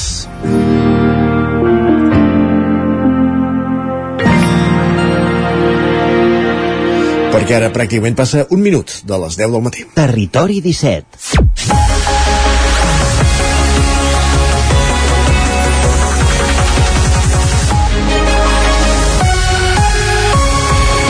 I ara és moment de l'actualitat de les notícies del territori 17, les notícies del Vallès Oriental, l'Osona, el Ripollès, el Moianès i el Lluçanès que fem en roda, en connexió amb les diferents emissores que dia a dia fan possible aquest programa, on acudinem que el 9 FM, la veu de Sant Joan, Ràdio Cardedeu, Ràdio Vic, també ens podeu veure a través de Twitch, YouTube, Televisió de Cardedeu, el 9 TV i la xarxa a més. Per explicar-nos aquesta hora que un alumne d'11 anys de l'Institut Escola Carles Capdevila de Balanyà ha estat expulsada temporalment del centre després d'haver exhibit un ganivet a un altre alumne, un nen de 10 anys, Sergi Vives, al 9FM. Doncs sí, va passar el dia 10 de gener cap a 3 quarts de 9 del matí abans d'entrar a l'escola. El nen va avisar la Guàrdia Municipal que regulava el trànsit que va portar la menú al despatx del director. Se li va trobar dos ganivets. L'incident ha agafat revolada aquests darrers dies a les xarxes socials. El Departament d'Educació ha confirmat que els fets van tenir fora del centre i que no hi va haver agressió física. La Conselleria ha activat el protocol de violències. L'alcalde de Balanyà, Carles Valls, ha explicat al 9-9 que fa dies que els diferents organismes implicats hi treballen i que consideren eh, el fet molt greu també s'ha de procurar que els menors no pateixin. Des de la direcció de l'Institut Escola remarquen que tot i que l'incident no es va produir dins de, de l'horari lectiu, s'han tomat com un problema del centre i s'han pres totes les mesures necessàries. Els Mossos d'Esquadra han confirmat que han rebut denúncia i l'han tramitada a la Fiscalia de Menors. Gràcies, Sergi. Més qüestions anem cap al Ripollès perquè l'aparcament del torrent de la Cabana de Can Davant costarà 10 euros a tots, tots els caps de setmana de l'any. Isaac Muntades, la veu de Sant Joan.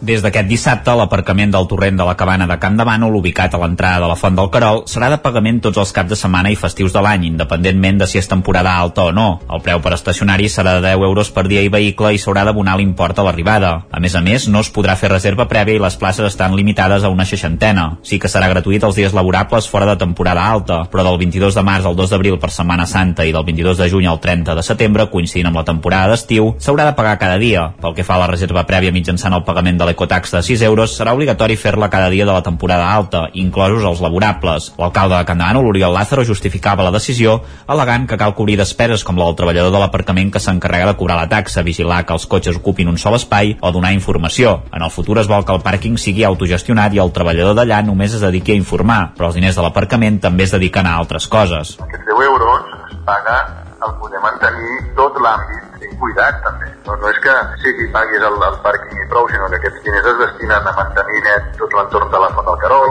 a mantenir net també tot l'entorn del torrent de la Cabana, que o sigui, ja tenim l'ecotaxa, però a més a més també podem afegir aquests diners a mantenir a, aquestes persones que es dediquen tant a informar i per tant que hi hagi una bona experiència a la visita, com a la, la, la cura i el manteniment d'aquest entorn natural que, que està preuat. Dimecres al vespre està prevista una comissió del torrent de la Cabana on es compartiran les dades d'enguany amb l'oposició i proposaran una sèrie de modificacions a l'ordenança que es portaran al ple. Gràcies, Isaac. Més qüestions. Al Moianès, l'Ajuntament de Castellterçol comença les obres de millora de l'antiga fàbrica Anla. En aquesta fase de les obres invertirà prop de 500.000 euros a reformar la coberta de l'equipament. Roger Rams. Tornem a una codinenca. Sí, també s'hi instal·laran noves portes i finestres de tancament i una nova instal·lació elèctrica. Actualment l'espai és la seu de diverses entitats del poble i la reforma permetria ampliar-ne els seus usos. A la vegada, aquesta obra també ha de servir per abordar, en un futur, una reforma integral de l'edifici per tal d'ordenar tot l'espai. Alberto Abrero és regidor d'Hisenda de Castellterçol. Per d'aquesta manera poder encaminar-nos a fer un encàrrec d'un concurs d'idees arquitectònic que el que ens doni com a guanyador hagi de fer el del projecte base i executiu, ara ja sí, de la reforma integral de l'ALA com a espai de fàbrica de creació artística. Paral·lelament, l'equip de govern organitzarà una segona fase del procés participatiu que ha de determinar quins usos ha de tenir aquest espai un cop feta la reforma farem una segona volta aquest procés participatiu perquè eh, s'han detectat certs grups de veïns que no van poder participar amb el primer o per desconeixement o perquè en el moment no els interessava per fer una actualització d'aquest pla o sigui que poden haver-hi ajustats. Tot plegat ha de permetre, a més, guanyar un espai on instal·lar-hi també plaques solars per tal de fer els diferents equipaments municipals de Castellterçol energèticament sostenibles. Això és un pla que vol impulsar el nou consistori. Gràcies, Roger. I aprofitant, coincidint amb el Dia Internacional de la Mediació, l'Ajuntament de Cardedeu ha donat dades sobre aquesta qüestió al poble. Enric Rubio, Ràdio Televisió Cardedeu. Així és, Isaac, i és que ni més ni menys que un total de 898 persones han participat d'una manera o altra en els processos mediadors a Cardedeu durant l'any 2023. Des del consistori han volgut assenyalar que la cultura mediadora enforteix els vincles, millora la convivència i potencia la corresponsabilitat en el marc de la comunitat. El Dia Europeu de la Mediació, que com comentàvem es celebra el 21 de gener, és a dir, aquest passat dissabte, dona l'oportunitat de posar de relleu la pràctica mediadora que facilita que persones que tenen un conflicte puguin abordar-lo dialogadament amb l'ajuda d'una persona professional de la mediació. A Cardedeu ja fa anys que s'ha relat d'una manera consistent aquesta dinàmica mediadora de gestionar els conflictes i millorar la convivència. I prova d'això són les xifres del total de 898 persones que han participat en els processos. O dit d'una altra manera, els processos de mediació han arribat a tenir una influència sobre 2.906 persones. Remarquen, però, i això és un fet important, que això no implica que a Cardeu hi hagi més conflictes que en altres poblacions, sinó que després de sis anys d'existència del Servei de Mediació Ciutadana Municipal, la cultura mediadora es troba cada cop més implantada. Respecte a la valoració dels participants d'aquest servei, en l'enquesta de satisfacció d'aquest, el 100% de les persones han indicat que recomanarien el servei, i aquest ha estat valorat amb una mitjana de 9,4 sobre 10. Per tant, l'aprovat és amb nota i aquesta alta. En l'àmbit de la mediació ciutadana es parteix de la consideració del conflicte com una oportunitat de creixement personal i social i de la noció que el conflicte és un aspecte inherent a la convivència. La mediació ciutadana en la seva vessant comunitària fomenta el vincle entre el veïnat i afavoreix la convivència en els diferents espais de socialització de les ciutats, com ara les comunitats veïnals, espais públics i barris, i promou el sentiment de pertinença al municipi.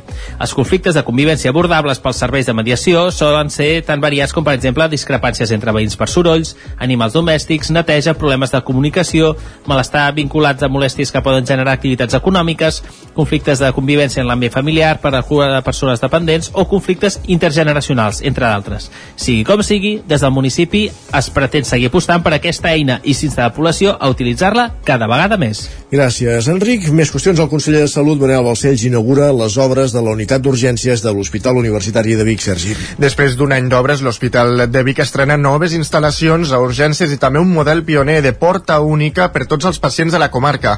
Aquest canvi es donarà a partir de l'1 de març, quan començarà a acollir totes les urgències, ja siguin lleus o greus, d'Osona. Serà només en horari nocturn, en cap de setmana o dies festius. Així, el CAP Vic Nord deixarà d'oferir l'atenció continuada d'urgències de la primària per tot Osona, com es venia fent fins ara. Si es té una urgència lleu en horari diurn, tothom qui ho necessiti podrà seguir acudint als quatre punts d'atenció urgent que ja tenia la comarca, els caps de Manlleu, Torelló i Tona i l'Hospital.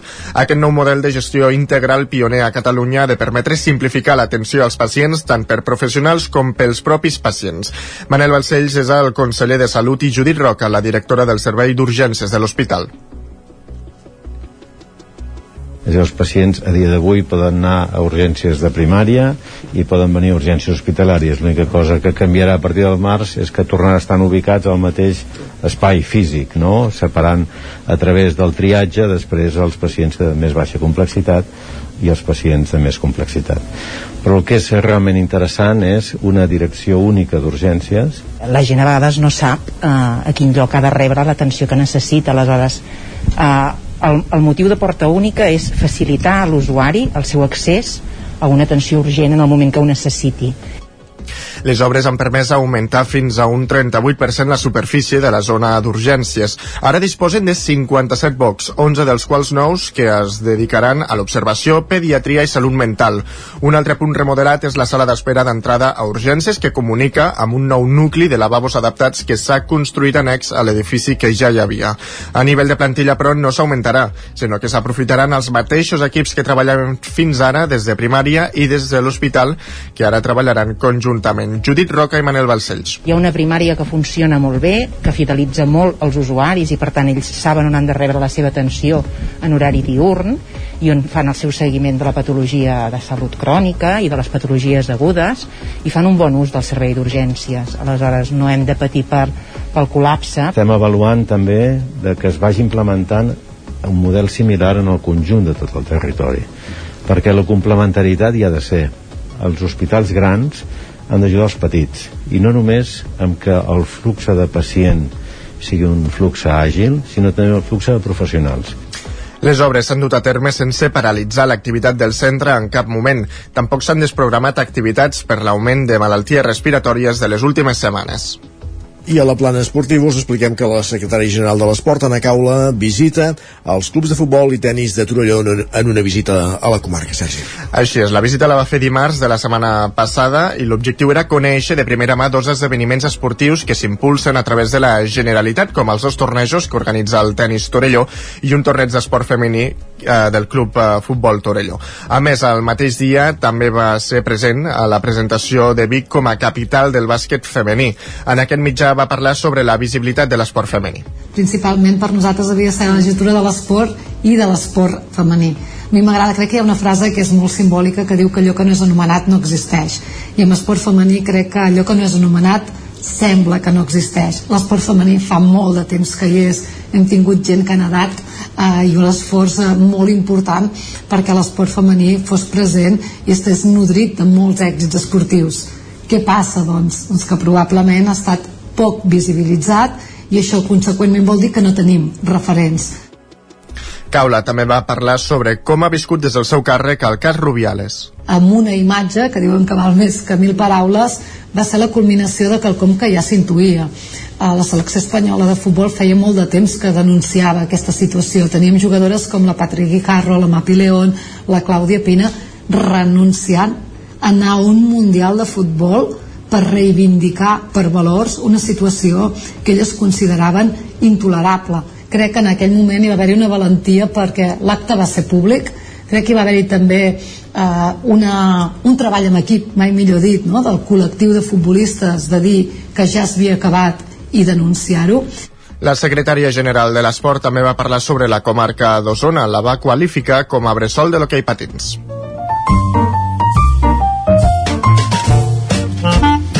Casa Terradellos us ofereix el temps. Gràcies, Sergi. Acabem aquí aquest repàs informatiu que començàvem a les 10 en companyia de Sergi Vives, Enric Rubio, eh, eh, Roger Rams i Isaac Muntades. Moment de saludar de nou l'home del temps, en Pep Acosta. Quin temps farà avui aquesta setmana, Pep? Casa Terradellos us ha ofert aquest espai. Uh, ara sí, uh, no marxem tan ràpid. Pep Acosta, bon dia de nou. Hola, molt bon dia. Uh, avui això ja es nota, com deia, aquest aire càlid, uh, va pujar la temperatura, i eh, al migdia tindrem alguns valors entre els 13 i els 17 graus de màxima a totes les nostres comarques. I és que va entrant aquest, aquest aire càlid, que a vegada es notarà més, un potentíssim anticicló, es situa ben al mig de la península ibèrica, eh, tindrem algunes boires, eh, tindrem molta tranquil·litat i molt, molt de sol durant tot el dia d'avui. Uh, les boires encara no seran persistents, però sí que n'hi ha una, però es, es dissiparan. Els jocs amb boira a partir de, sobretot demà i, i, i dimecres, la temperatura serà baixa, però és joc sense boira, com deia, no pararà de pujar temperatura i seran valors molt, molt alts durant tota la setmana. Ni glaçades, eh, ni pluja, eh, ni res de res durant tota aquesta setmana. El gran anticicló serà el gran protagonista. Uh, I això és tot, uh, no puc dir res més, només dir això, que tindrem una setmana negra perquè fa el temps, amb molt de sol, amb temperatures molt més altes del normal i amb zero gotes de precipitació. Que tingueu un any dilluns i cada dia anirem parlant de, del temps, però ja aviso que cada dia serà el mateix. Durant tota aquesta setmana, cada dia tindrem el mateix temps. Uh, cap núvol gairebé, molt de sol, anticicló, anticicló i anticicló. Adéu, fins demà. Doncs anticicló aquesta setmana. Gràcies, Pep. Casa Tarradellas us ha ofert aquest espai. Clavem un quart d'onze del matí.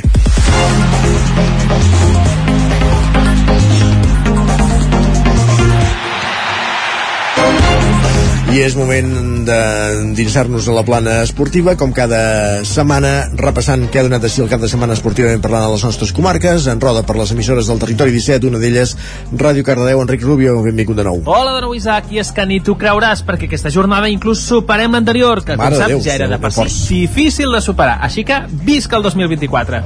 Comencem pel futbol i pels de casa, i és que diumenge el primer equip del Cardedeu va jugar i guanyar per 1 a 0 contra el Can Givert, mentre que l'equip filial va guanyar fora de casa contra el Montmeló per 0 a 3. Els de Granollers a la Lliga Elit es van veure les cares amb el Sabadell i en aquest cas sí que no han anat bé les coses i és que tot i disputar el partit de principi a fi van perdre per 2 a 1. I alerta, i és que el resultat de la jornada també està pels de Granollers, però en aquest cas pel bàsquet. I és que van guanyar per 111 a 104, superant còmodament la barrera dels 100 punts i una victòria categoria contra el Finden i les de l'handbol Granollers també han guanyat aquesta jornada, quedant 34 a 27 a l'European Cup contra, a veure si ho dic bé, SSD Handballeris ARL a Itàlia. I aquesta sí, aquesta jornada ho han seguit fent i es mantenen a 24 punts a la classificació. Quartes però empatades amb les segones i terceres. I és que les de l'handbol Cardedeu han guanyat, sí, ho tornen a fer, quedant 22 a 28. Així que ja ho veus, Isaac, sembla que aquest 2024 ens està portant sort, així que que no pari el ritme i a seguir guanyant. Anem fins a una codinenca a veure si hi ha el mateix optimisme. Roger Rams, benvingut de nou. Doncs sí, fem un repàs a la jornada esportiva d'aquest cap de setmana, començant pel futbol. A la primera divisió catalana, el Caldes ha començat amb mal peu aquest 2024 i ha sumat aquest cap de setmana la segona derrota de l'any. Ha estat per un gol a dos a domicili davant el Manlleu. Després de la derrota, els calderins es mantenen segons a la classificació gràcies també a la derrota de l'Argentona, que és tercer. Més futbol a la segona catalana, el grup 4, el Sant Feliu de Codines, en canvi, sembla que comença a respirar aquest any després d'aconseguir aquest dissabte un empat a 0 davant el Gironella. Els codinencs es mantenen coers del seu grup, però han aconseguit sumar 4 punts dels darrers 6 disputats. I per tancar el capítol futbolístic a la tercera catalana, el Mollà es va imposar per 3 a 5 al camp del Sant Hilari. El conjunt moianès va recuperant sensacions i ara mateix és novè del grup 4 amb 20 punts. Parlem ara d'hoquei patins a l'hoquei Lliga Plata Nord. El Sant Feliu també ha sumat una nova victòria aquest cap de setmana. Ha estat per 4 gols a 1 davant el Vendrell. Els codinencs van dominar el partit còmodament des de l'inici, tot i la superioritat del rival en la classificació. El Sant Feliu, doncs, suma 18 punts i és sisè a l'Hockey Lliga Plata Nord, mentre que el Vendrell és tercer amb 22. Per cert, que aquest resultat deixa el Vendrell fora de la Copa de la Princesa i, en canvi, fa que el Vic sí que la disputi. I acabem el repàs esportiu a la Lliga Nacional Catalana Femenina d'hoquei patins, on el duel entre el Vigues i el Caldes ha caigut a favor de les locals, ja que les noies del Vigues es van imposar per 3 a 2. Gràcies, Roger. Continuem aquest recorregut ara cap al Ripollès. Anem als estudis de la veu de Sant Joan, on ja hi ha l'Isaac Muntades a punt. Isaac, benvingut de nou, bon dia. Bon dia, Isaac. Doncs mireu, comencem el repàs esportiu del Ripollès parlant de futbol i anem al grup 3 de la tercera catalana, on la Badesenc ha acabat líder la primera volta de la Lliga amb 32 punts i només una derrota, tot i empatar un gol al camp del Besalú, un partit on els garrotxins es van avançar ben aviat amb un gol d'Aguilar en guanyar l'esquena a la defensa i quedar-se tot sol davant del porter per definir, però la segona part Sama va empatar amb un golàs, amb un xut llunyà des de fora l'àrea que va sorprendre doncs, amb una gran vaselina al porter.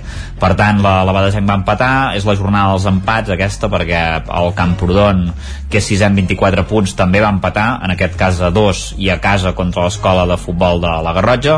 Els camprodonins van fer un bon partit i van mereixer més, però els uh, garrotxins doncs, es van avançar amb un gol de, de Derraz només quan s'ha la segona part, Joel va empatar en un córner el mateix Derraz va fer el seu doblet a 10 minuts del final eh, en una jugada en què va guanyar l'esquena a la defensa i Martínez pel Camprodon va empatar eh, en un xut creuat a l'últim minut.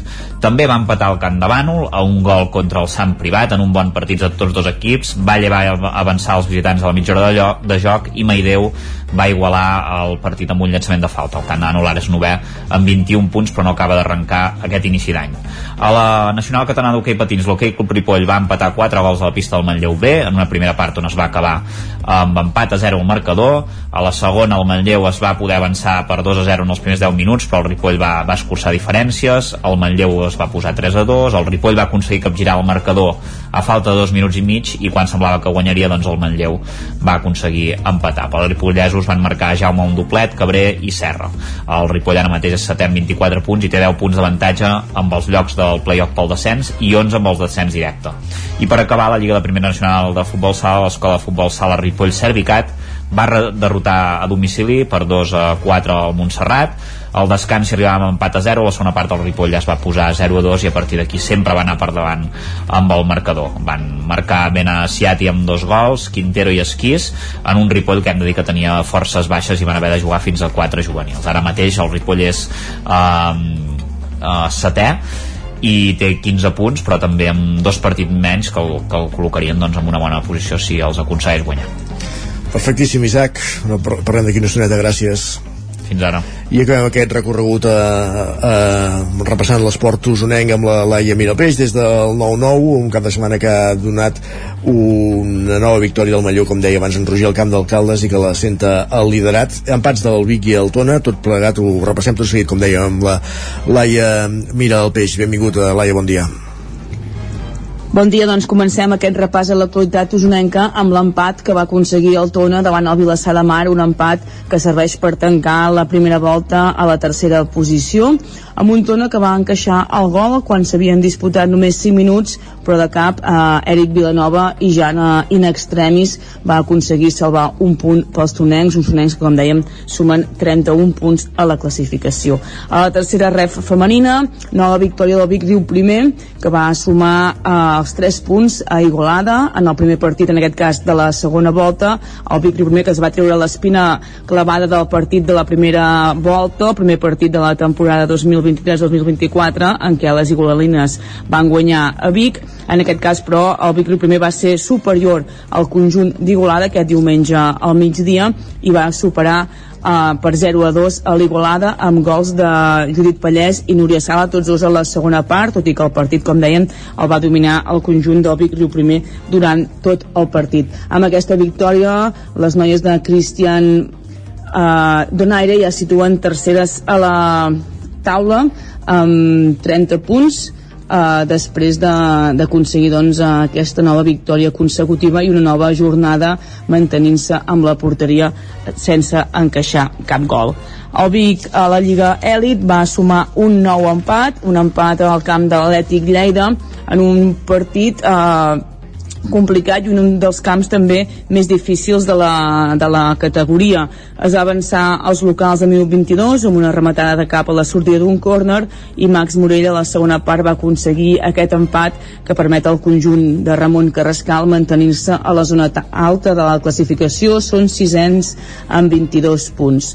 El Manlleu a la primera catalana va reaccionar a temps i va aconseguir sumar una victòria molt important davant el Caldes, un Caldes que és segon, però que amb aquesta derrota o que amb la victòria del Manlleu el conjunt de Manel Sala ja es posa a 8 punts de diferència al capdavant de la classificació a 8 punts del, del segon classificat precisament és el, és el Caldes. El partit no va començar bé, va marcar el Caldes al minut 20, però a la segona part Jordi Costa de cap va empatar el partit i Oleguer amb un xut quasi bé des del mig del camp doncs va aconseguir aquest gol de la victòria En hoquei repassem el que seria l'actualitat usonenca i ho fem amb, aquesta, amb aquest empat del Voltregà a Europa, a França contra el Noisy. Recordem que els voltreganesos ja portaven l'avantatge del partit d'anada de 11-2 i que per tant va ser un partit de tràmit pel Voltregà que tot i així doncs es va encallar una mica i va acabar sumant aquest empat que els permet passar als 700 de final. A l'hoquei plata, que ara hi creu pels equips usonencs, en destaca la victòria per la mínima del Patí Vic, que d'aquesta manera es situa segon en la classificació i li permet jugar a la Copa de la Princesa. El Vic que va guanyar 4-5 a Cerdanyola en un partit d'aquells d'infart que es va resoldre en els minuts finals i que recordem que jugava aquesta segona posició en joc i la plaça per la, per la Copa de la Princesa. Una Copa de la Princesa que finalment no hi serà al Tardell, era un dels candidats almenys al principi de, de temporada almenys jo, jo acabar la primera volta però aquesta aquestes dues derrotes consecutives, la de la setmana passada contra l'Alpicat, el líder, i la d'aquest diumenge contra l'Espanyol, deixen fora el conjunt de Jefa Rovira de la segona posició, que permetria doncs, jugar la Copa de la Princesa, i el situen en aquests moments quarts. Eh? Va ser un mal partit contra l'Espanyol, van perdre 7 a 3, l'Espanyol és un equip de la zona mitja-baixa, i el Tarell es va veure clarament superat per al conjunt periquito. En canvi, el Manlleu, que tot i que ja no tenia opcions per jugar a la Copa de la Princesa, sí que és destacable la victòria que va aconseguir aquest cap de setmana, ja que trenca la, la mala dinàmica que, que portava de, de partits perduts, i és que el Manlleu havia encadenat una, una ratxa doncs, molt dolenta en les últimes jornades i en un partit vibrant va aconseguir guanyar a l'Olot per 3 a 2 uh, un partit doncs, que van ser dominat clarament per als manlleuencs. Es va avançar el Manlleu amb el gol de Codinac, va empatar l'Olot. Biel Autet va tornar a posar els manlleuencs per davant, va tornar a empatar Prat i ja a 10 minuts pel final el Manlleu va marcar el 3 a 2 definitiu i va saber aguantar el resultat fins al final. En bàsquet nova victòria del Club Bàsquet Vic a la Lliga d'EVA va guanyar per 81 a 60 en una primera victòria del 2024 a casa i en un partit que el conjunt de Sergi Fortes va anar de, de menys a més.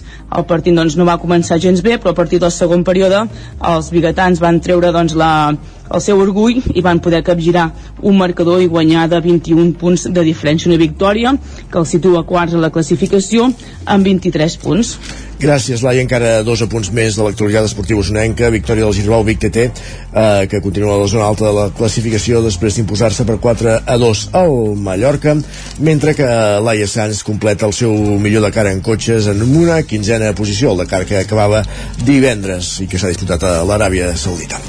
Amb el repàs esportiu arribem a la pausa, just abans de dos quarts d'onze. Ara, tres minuts de publicitat, però tornem de seguida amb les piolades més destacades que ha trobat en Guillem Sánchez de Twitter i acte seguit, com no podia ser d'altra manera, amb la tertúlia esportiva després d'aquest escàndol arbitral ahir entre el Madrid i, i l'Almeria. En parlem d'aquí, res, pocs minuts. Fins ara mateix. El nou FM, la ràdio de casa, al 92.8.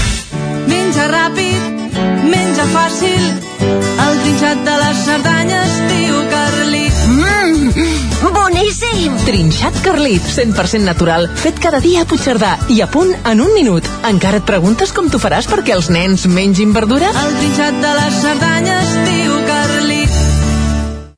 Ho han dit avui, el 9FM? Ai, no ho he pas sentit.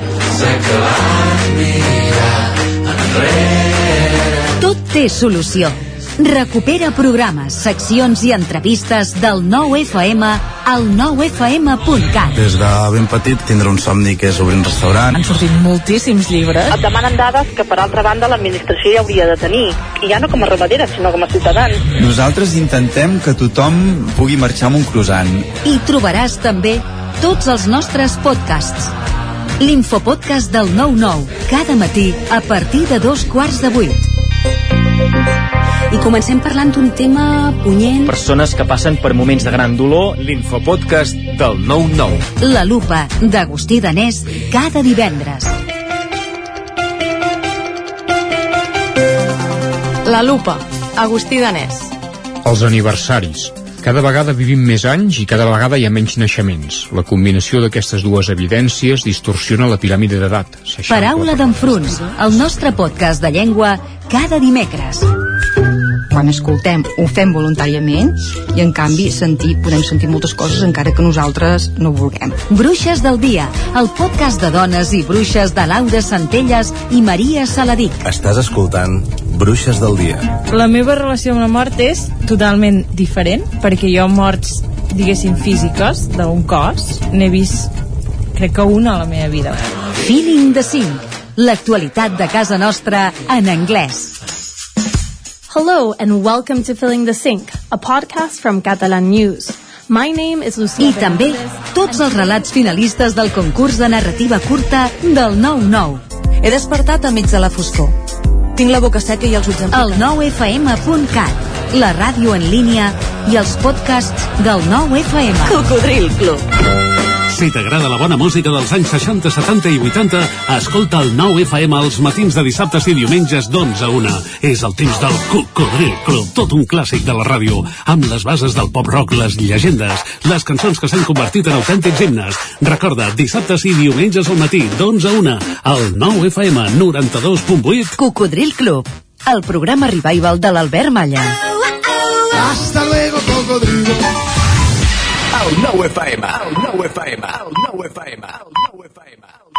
En punt, dos quarts d'onze, al territori 17.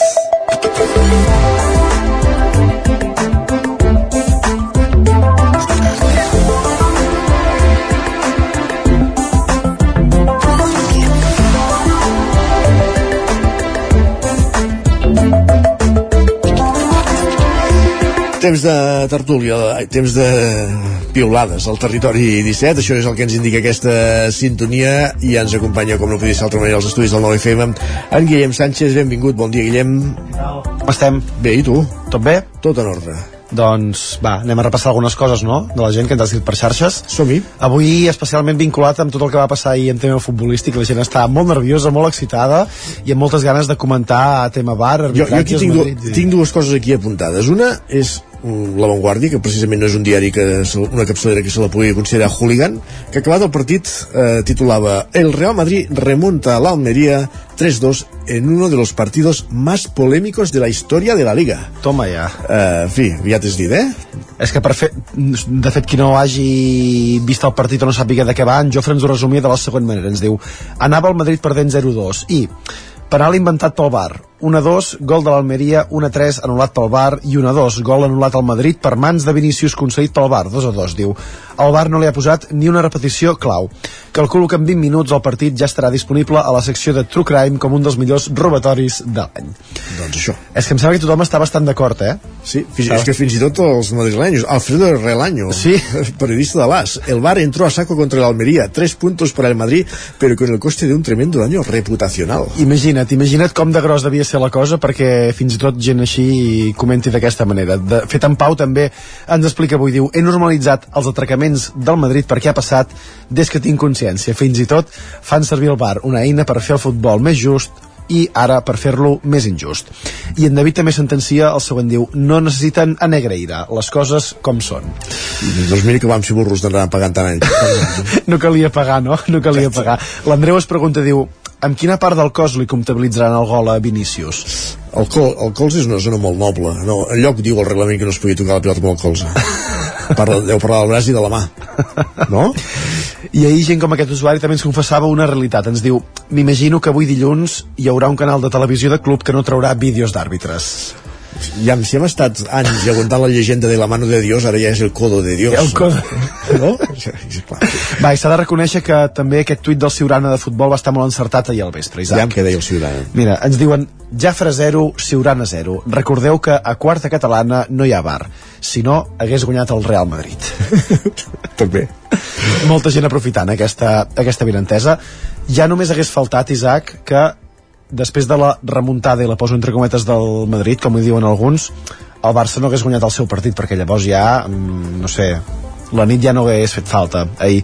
Hi ha usuaris que van quedar sorpresos amb els primers 45 minuts del, del Barça i alguns es demanaven quants anys feia que el Barça no era el primer en marcar un gol? i ara ens en recordàvem, eh, tampoc d'aquesta. I en Jaume ens diu, molt i molt convençut, diu, no sabem el que tenim amb la Yamal. No ho sabem. Aviam. També som fans d'aquesta gent que després d'un partit o dos bons Sí, sí, sí. d'un jugador el fem ja internacional absolut Exacte. amb, amb No, no, el fem eh? nosaltres i li fan ell. I li fan els, els, de- la selecció, també, però vaja. I els aficionats del Girona també s'ho devien passar bé, no? I el vespre, Home, Isaac. 5 a 1, eh? 5 a 1 i aquesta també remuntada amb mm, 10 minuts i, Sevilla. i 3 gols d'en d'en Dòvic. L'afició, com ens diu en Jordi, diu està eufòrica. Comenta, el cap em diu que això no és normal, que estic somiant i algun dia s'acabarà, però el cor em diu que calli, que guanyarem la Lliga i que som els millors. No puc passar-ho millor, és impossible. Després del que vam veure ahir al Bernabéu, Ara que, dir- que el Girona guanyi la Lliga ho veig més difícil que mai, Ara- ara, ja sí, eh? Ara t'ho anava a dir. Va, i vinga, més enllà del futbol també hi ha una mica de vida. Per exemple, la Maria, que ens comentava, diu quan és cap de setmana i vaig pel carrer amb una safateta de postres embolicada en paper i lligada amb un cordill, sóc una mica la dona que vull ser. Veus? Ostres, és que el cap de setmana... Home, això és una d'aquelles... Això és cosa de, de, de cap de setmana, evidentment. Sí, sí. Uh, I acabarem, Isaac, amb dos missatges vinculats amb, amb el català, d'aquests que ens agraden també, que reivindiquen una mica. El primer ens escriuen és un bon moment per explicar el que va passar a l'examen del C2. Diu, estàvem a mitja prova i un paio aixeca el braç i diu perdone, però què significa fer servir? L'examen del C2, eh? Jo crec que ja li podrien treure directament el, els dos fulls de l'examen. Va, i l'Eli ens ho remata així i ens diu res com dir l'hora en català i poder observar l'angoixa en els càlculs mentals de la gent. Ens Això- encanta dir l'hora correcta. Ah, Sí, ens els- encanta, amb els- amb els però també és una altra batalla perduda. Eh, eh, ara m'ha recordat una piolada que vaig llegir la setmana passada d'un professor escandalitzat que un alumne havia entrat a a l'aula de professors demanant tissa. però clar, eh, jo em qüestiono si la tissa va sortir de l'alumne o si va haver-hi algun No sé, però- que va induir, que també podria ser, a demanar tisses. No sé, però en els dos casos és de jutjat de guàrdia, vull dir que això... Va, saps què és la tissa, no? Per això, saps, Sí, saps, sí, sí. saps què demanava, no? Sí, Saps què volia sí. demanar, eh? Va. Isaac, ens escoltem demà. Fins demà, gràcies, Guillem. bé.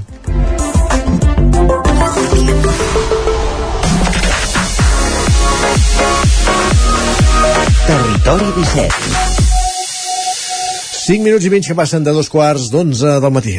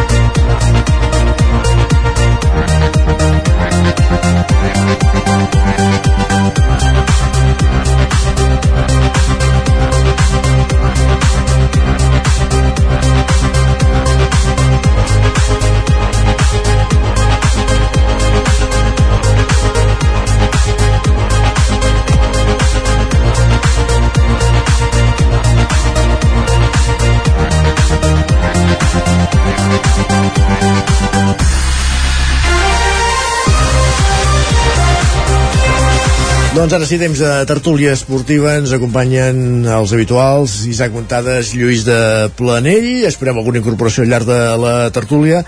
Lluís, Isaac, benvinguts. Bon dia de nou. Gràcies, bon dia. Bon dia.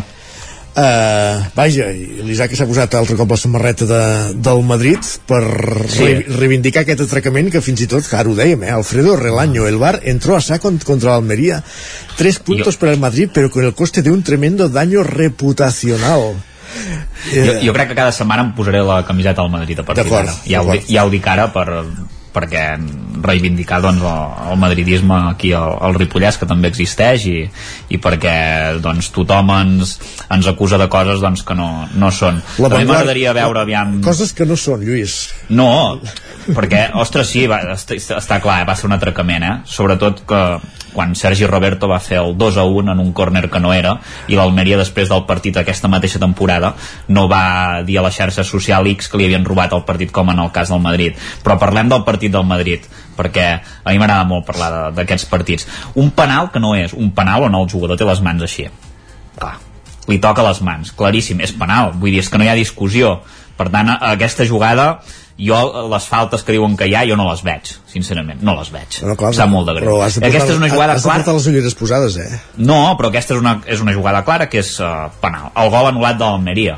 El gol anul·lat de l'Almeria està molt ben anul·lat. Li fot una clatellada a la cara amb la, a, en, en Bellingham el jugador de, de l'Almeria.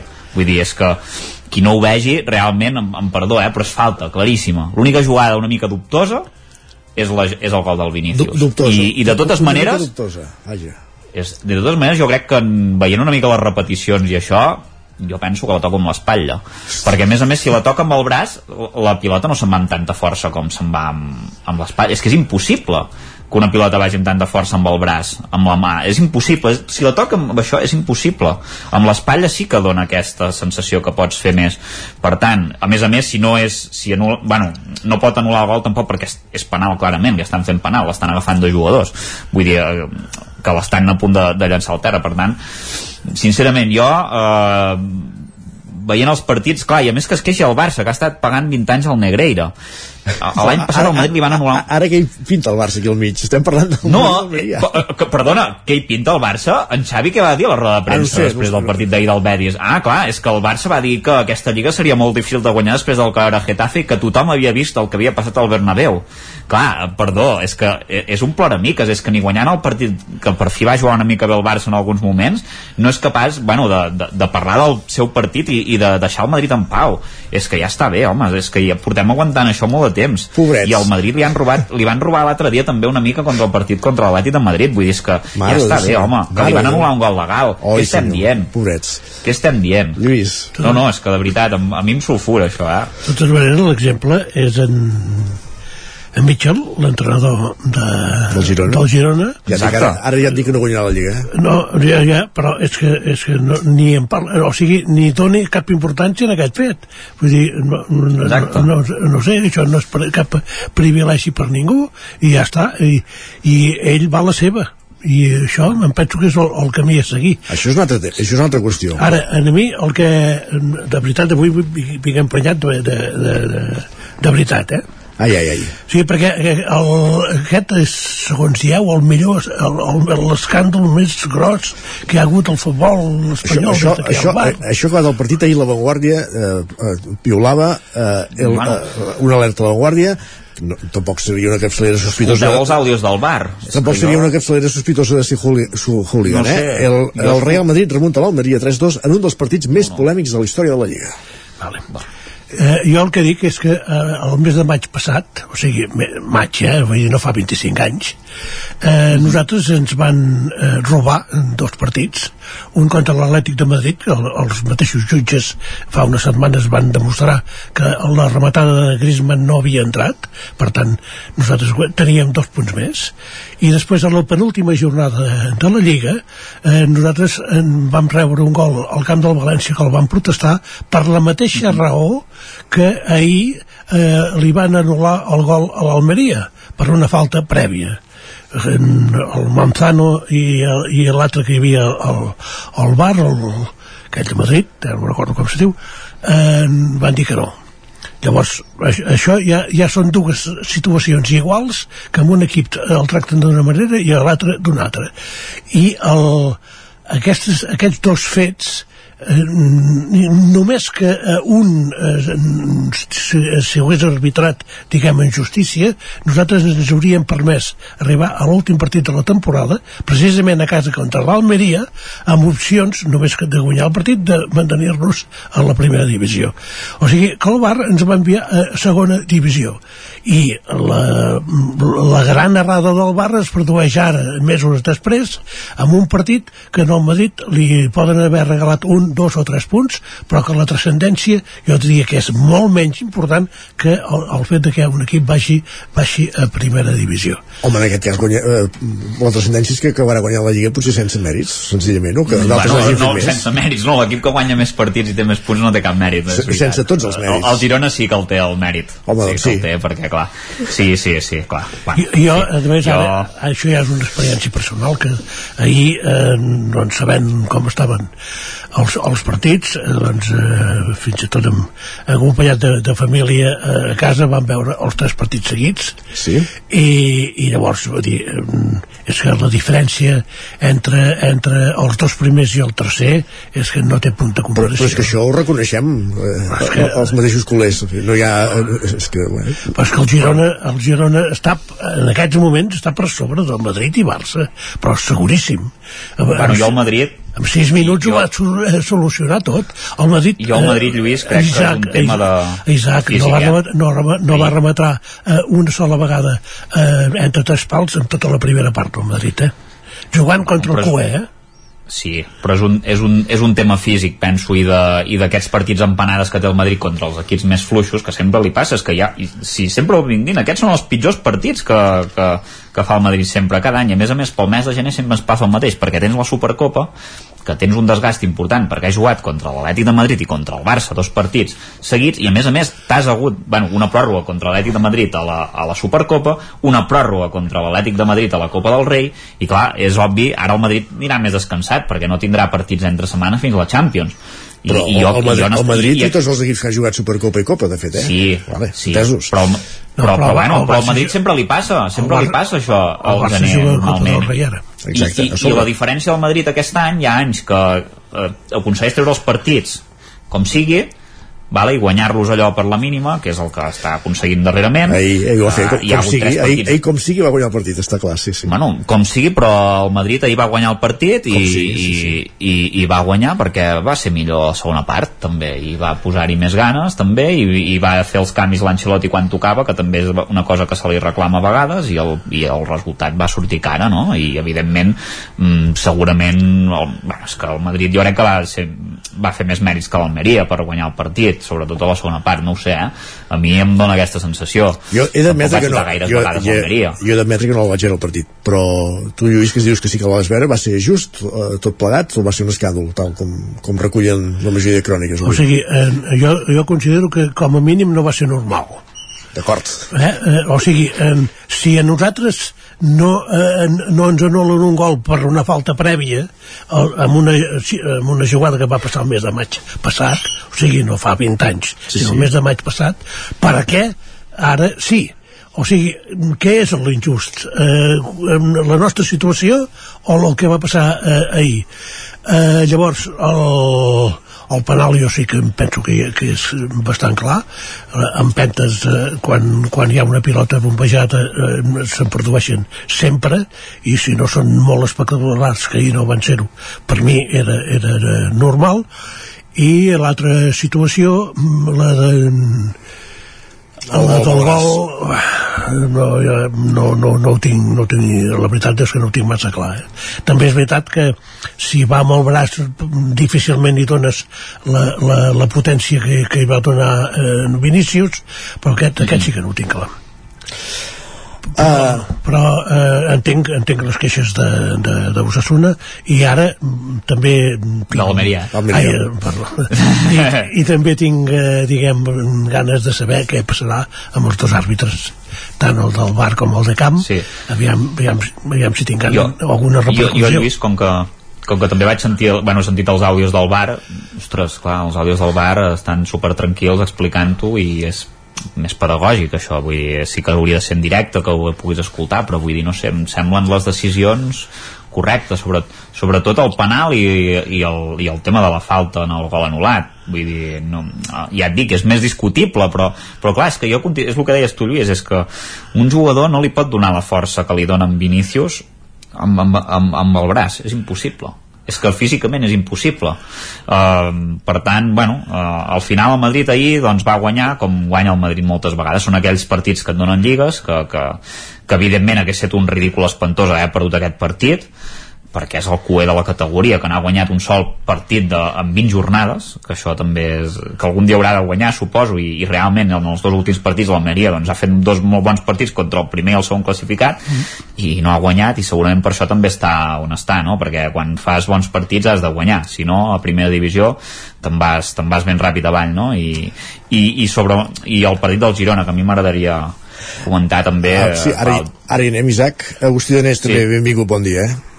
Ei, és que no m'he pogut incorporar abans, però bueno, sentia l'Isaac que parlava de plena normalitat i no m'he pogut resistir. Vull dir que estic aquí en un, en, en un bar, però dic que he d'entrar perquè... Però ho has sentit tot o no, Agustí? No he sentit eh, que Ah, deies que el Madrid havia estat millor si semblava que fos una cosa normal. Jo ho trobo extraordinari. O sigui, el d'ahir, li feia la comparació a casa, i que és com...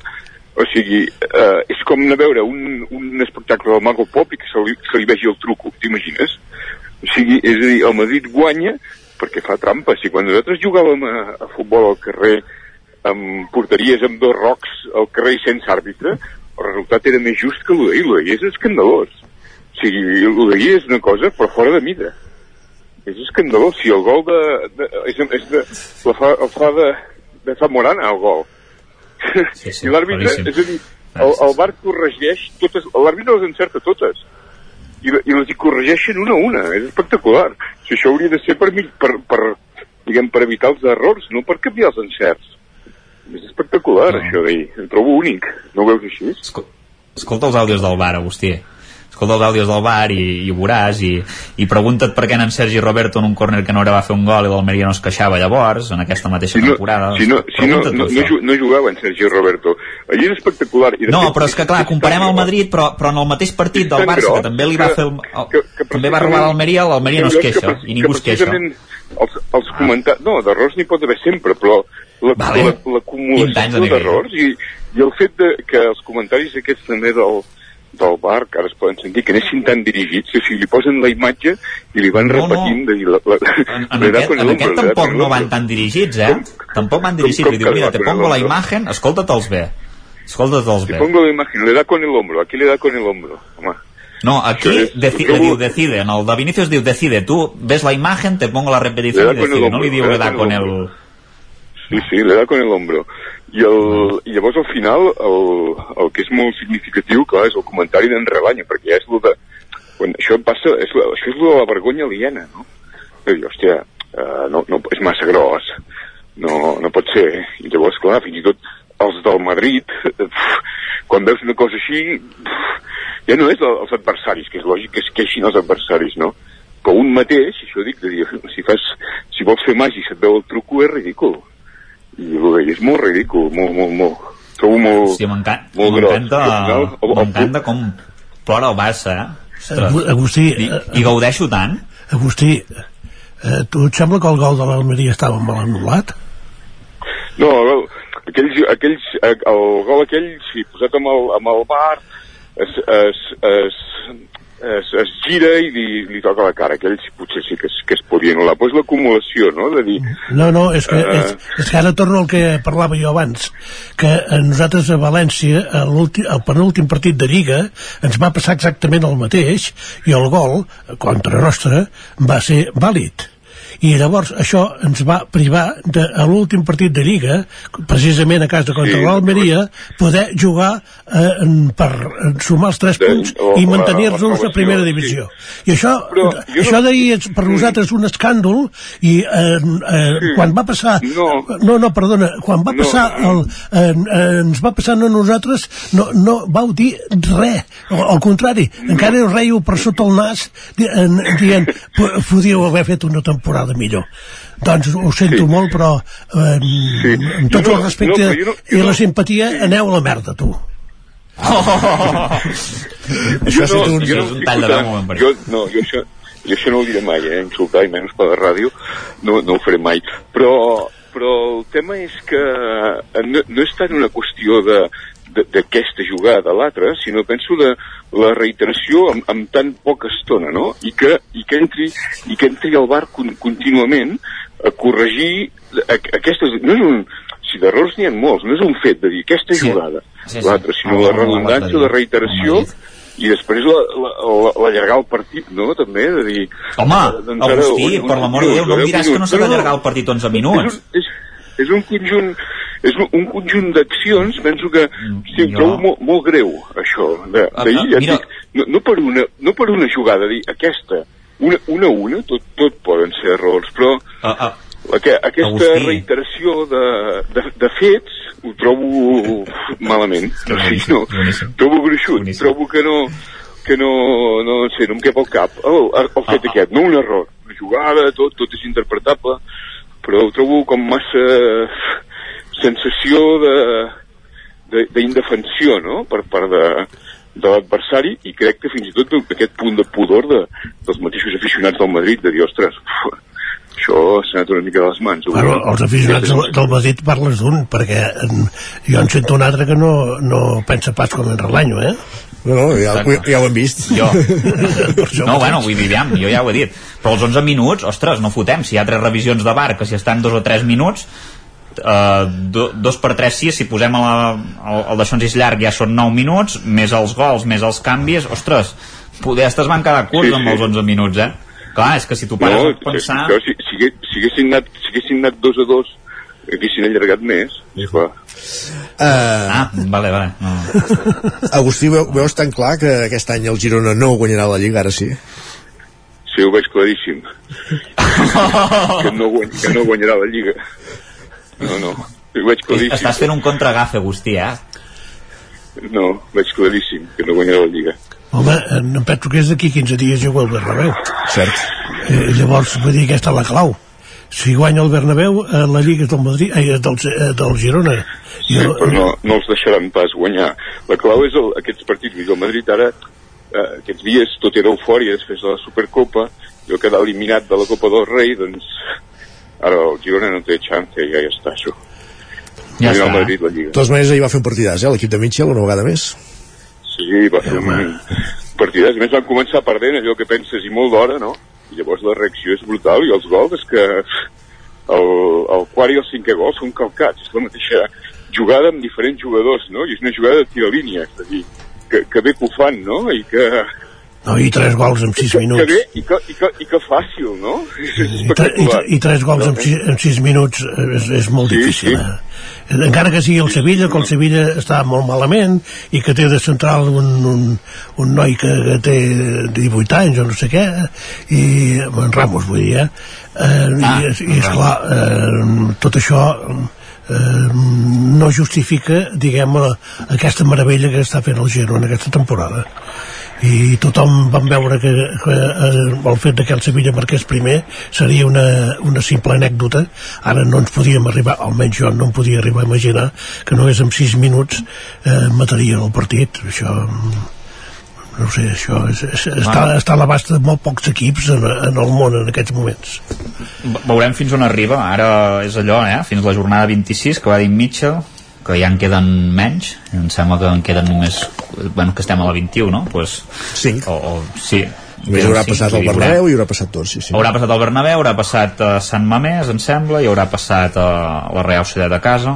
Vull dir que haurà passat ja alguns partits importants i uh, també haurà passat l'eliminatòria de Copa contra el Mallorca, que veurem si el Girona és capaç de classificar-se per, uh, per les semifinals per primera vegada a la seva història, que això sí que seria doncs estar allò a tres partits de, de guanyar un títol, que, que ara mateix el Girona doncs, uh, pot, pot, pot aconseguir-ho però, però bueno, veurem fins on arriba. De moment eh, ve- veurem si el partit de l'Almeria va ser un accident el del, el del Girona. Vull dir que va ser un mal partit i allò va ser un toc d'atenció per dir compte que no, no ens podem creure que som els millors perquè arriba l'últim i et pinta la cara. Ahir un, una estona al Madrid també va passar això però bueno, ja hem dit que es va recompondre. I, i veurem si eh, la tònica general són doncs, partits doncs, com el del Sevilla, com el del Rayo l'altre dia en Copa, que també durant la primera mitja hora el Girona va jugar molt bé, eh, veurem, veurem fins on arriba la, la gasolina i, i si és capaç de fer una matxada jo, jo crec, com l'Agustí crec que guanyava el Madrid la Lliga perquè té més plantilla Uh, Agustí, el que sí que ahir el Barça va, va, recup- va refer-se una mica, no? 2 a 4 davant del Betis. Sí, va, va refer sobretot pel, pel resultat, tot i que, bueno, és allò, no?, que el partit el tenia molt controlat i, i se li va descontrolar eh, precisament amb allò, amb accions d'aquestes eh, estranyes i que no són imputables a, a, ni a l'arbitratge ni jo diria que ni a l'adversari sinó que són errors eh, prop, impropis d'un equip que aspira a, guanyar títols. Jo tinc la sospita que el tema del porter, tot i que els gols no puguin ser cantades del porter, però que i té una part el porter, no? Vull dir que el porter ha de governar l'àrea i em fa la sensació que aquest porter eh, és bo sota pals, no? I llavors aquestes jugades diguem, allà s'ha de- d'imposar com amb, amb més autoritat perquè és aquesta falta d'autoritat el que llavors genera l'ocasió del Betis i el, i el gol del Betis, no? 20, 10 segons, eh, Lluís, també victòria de l'Espanyol, per cert, eh? Sí, eh, i per cert amb un mal partit bueno, bueno sobretot a la, L'important són els 3 punts. Ara exactament, a la segona part però bé, com el Barça eh, l'important és guanyar i, i tracta de guanyar i anar sumant i aviam si els àrbitres no es tornen a fotre i, i, i tornem a primera Eh, tornem a parlar la setmana que ve. Gràcies a tots tres, Agustí Donés, Isaac Montàs, Lluís de Planell. Bon dia. Bon dia. Bon dia. Va, que vagi bé, adéu. I acabem el Territori 17 i tornem demà a les 9. Adéu-siau. Ona Codinenca, Ràdio Cardedeu, Ràdio Vic i La Veu de Sant Joan, amb el suport de la xarxa.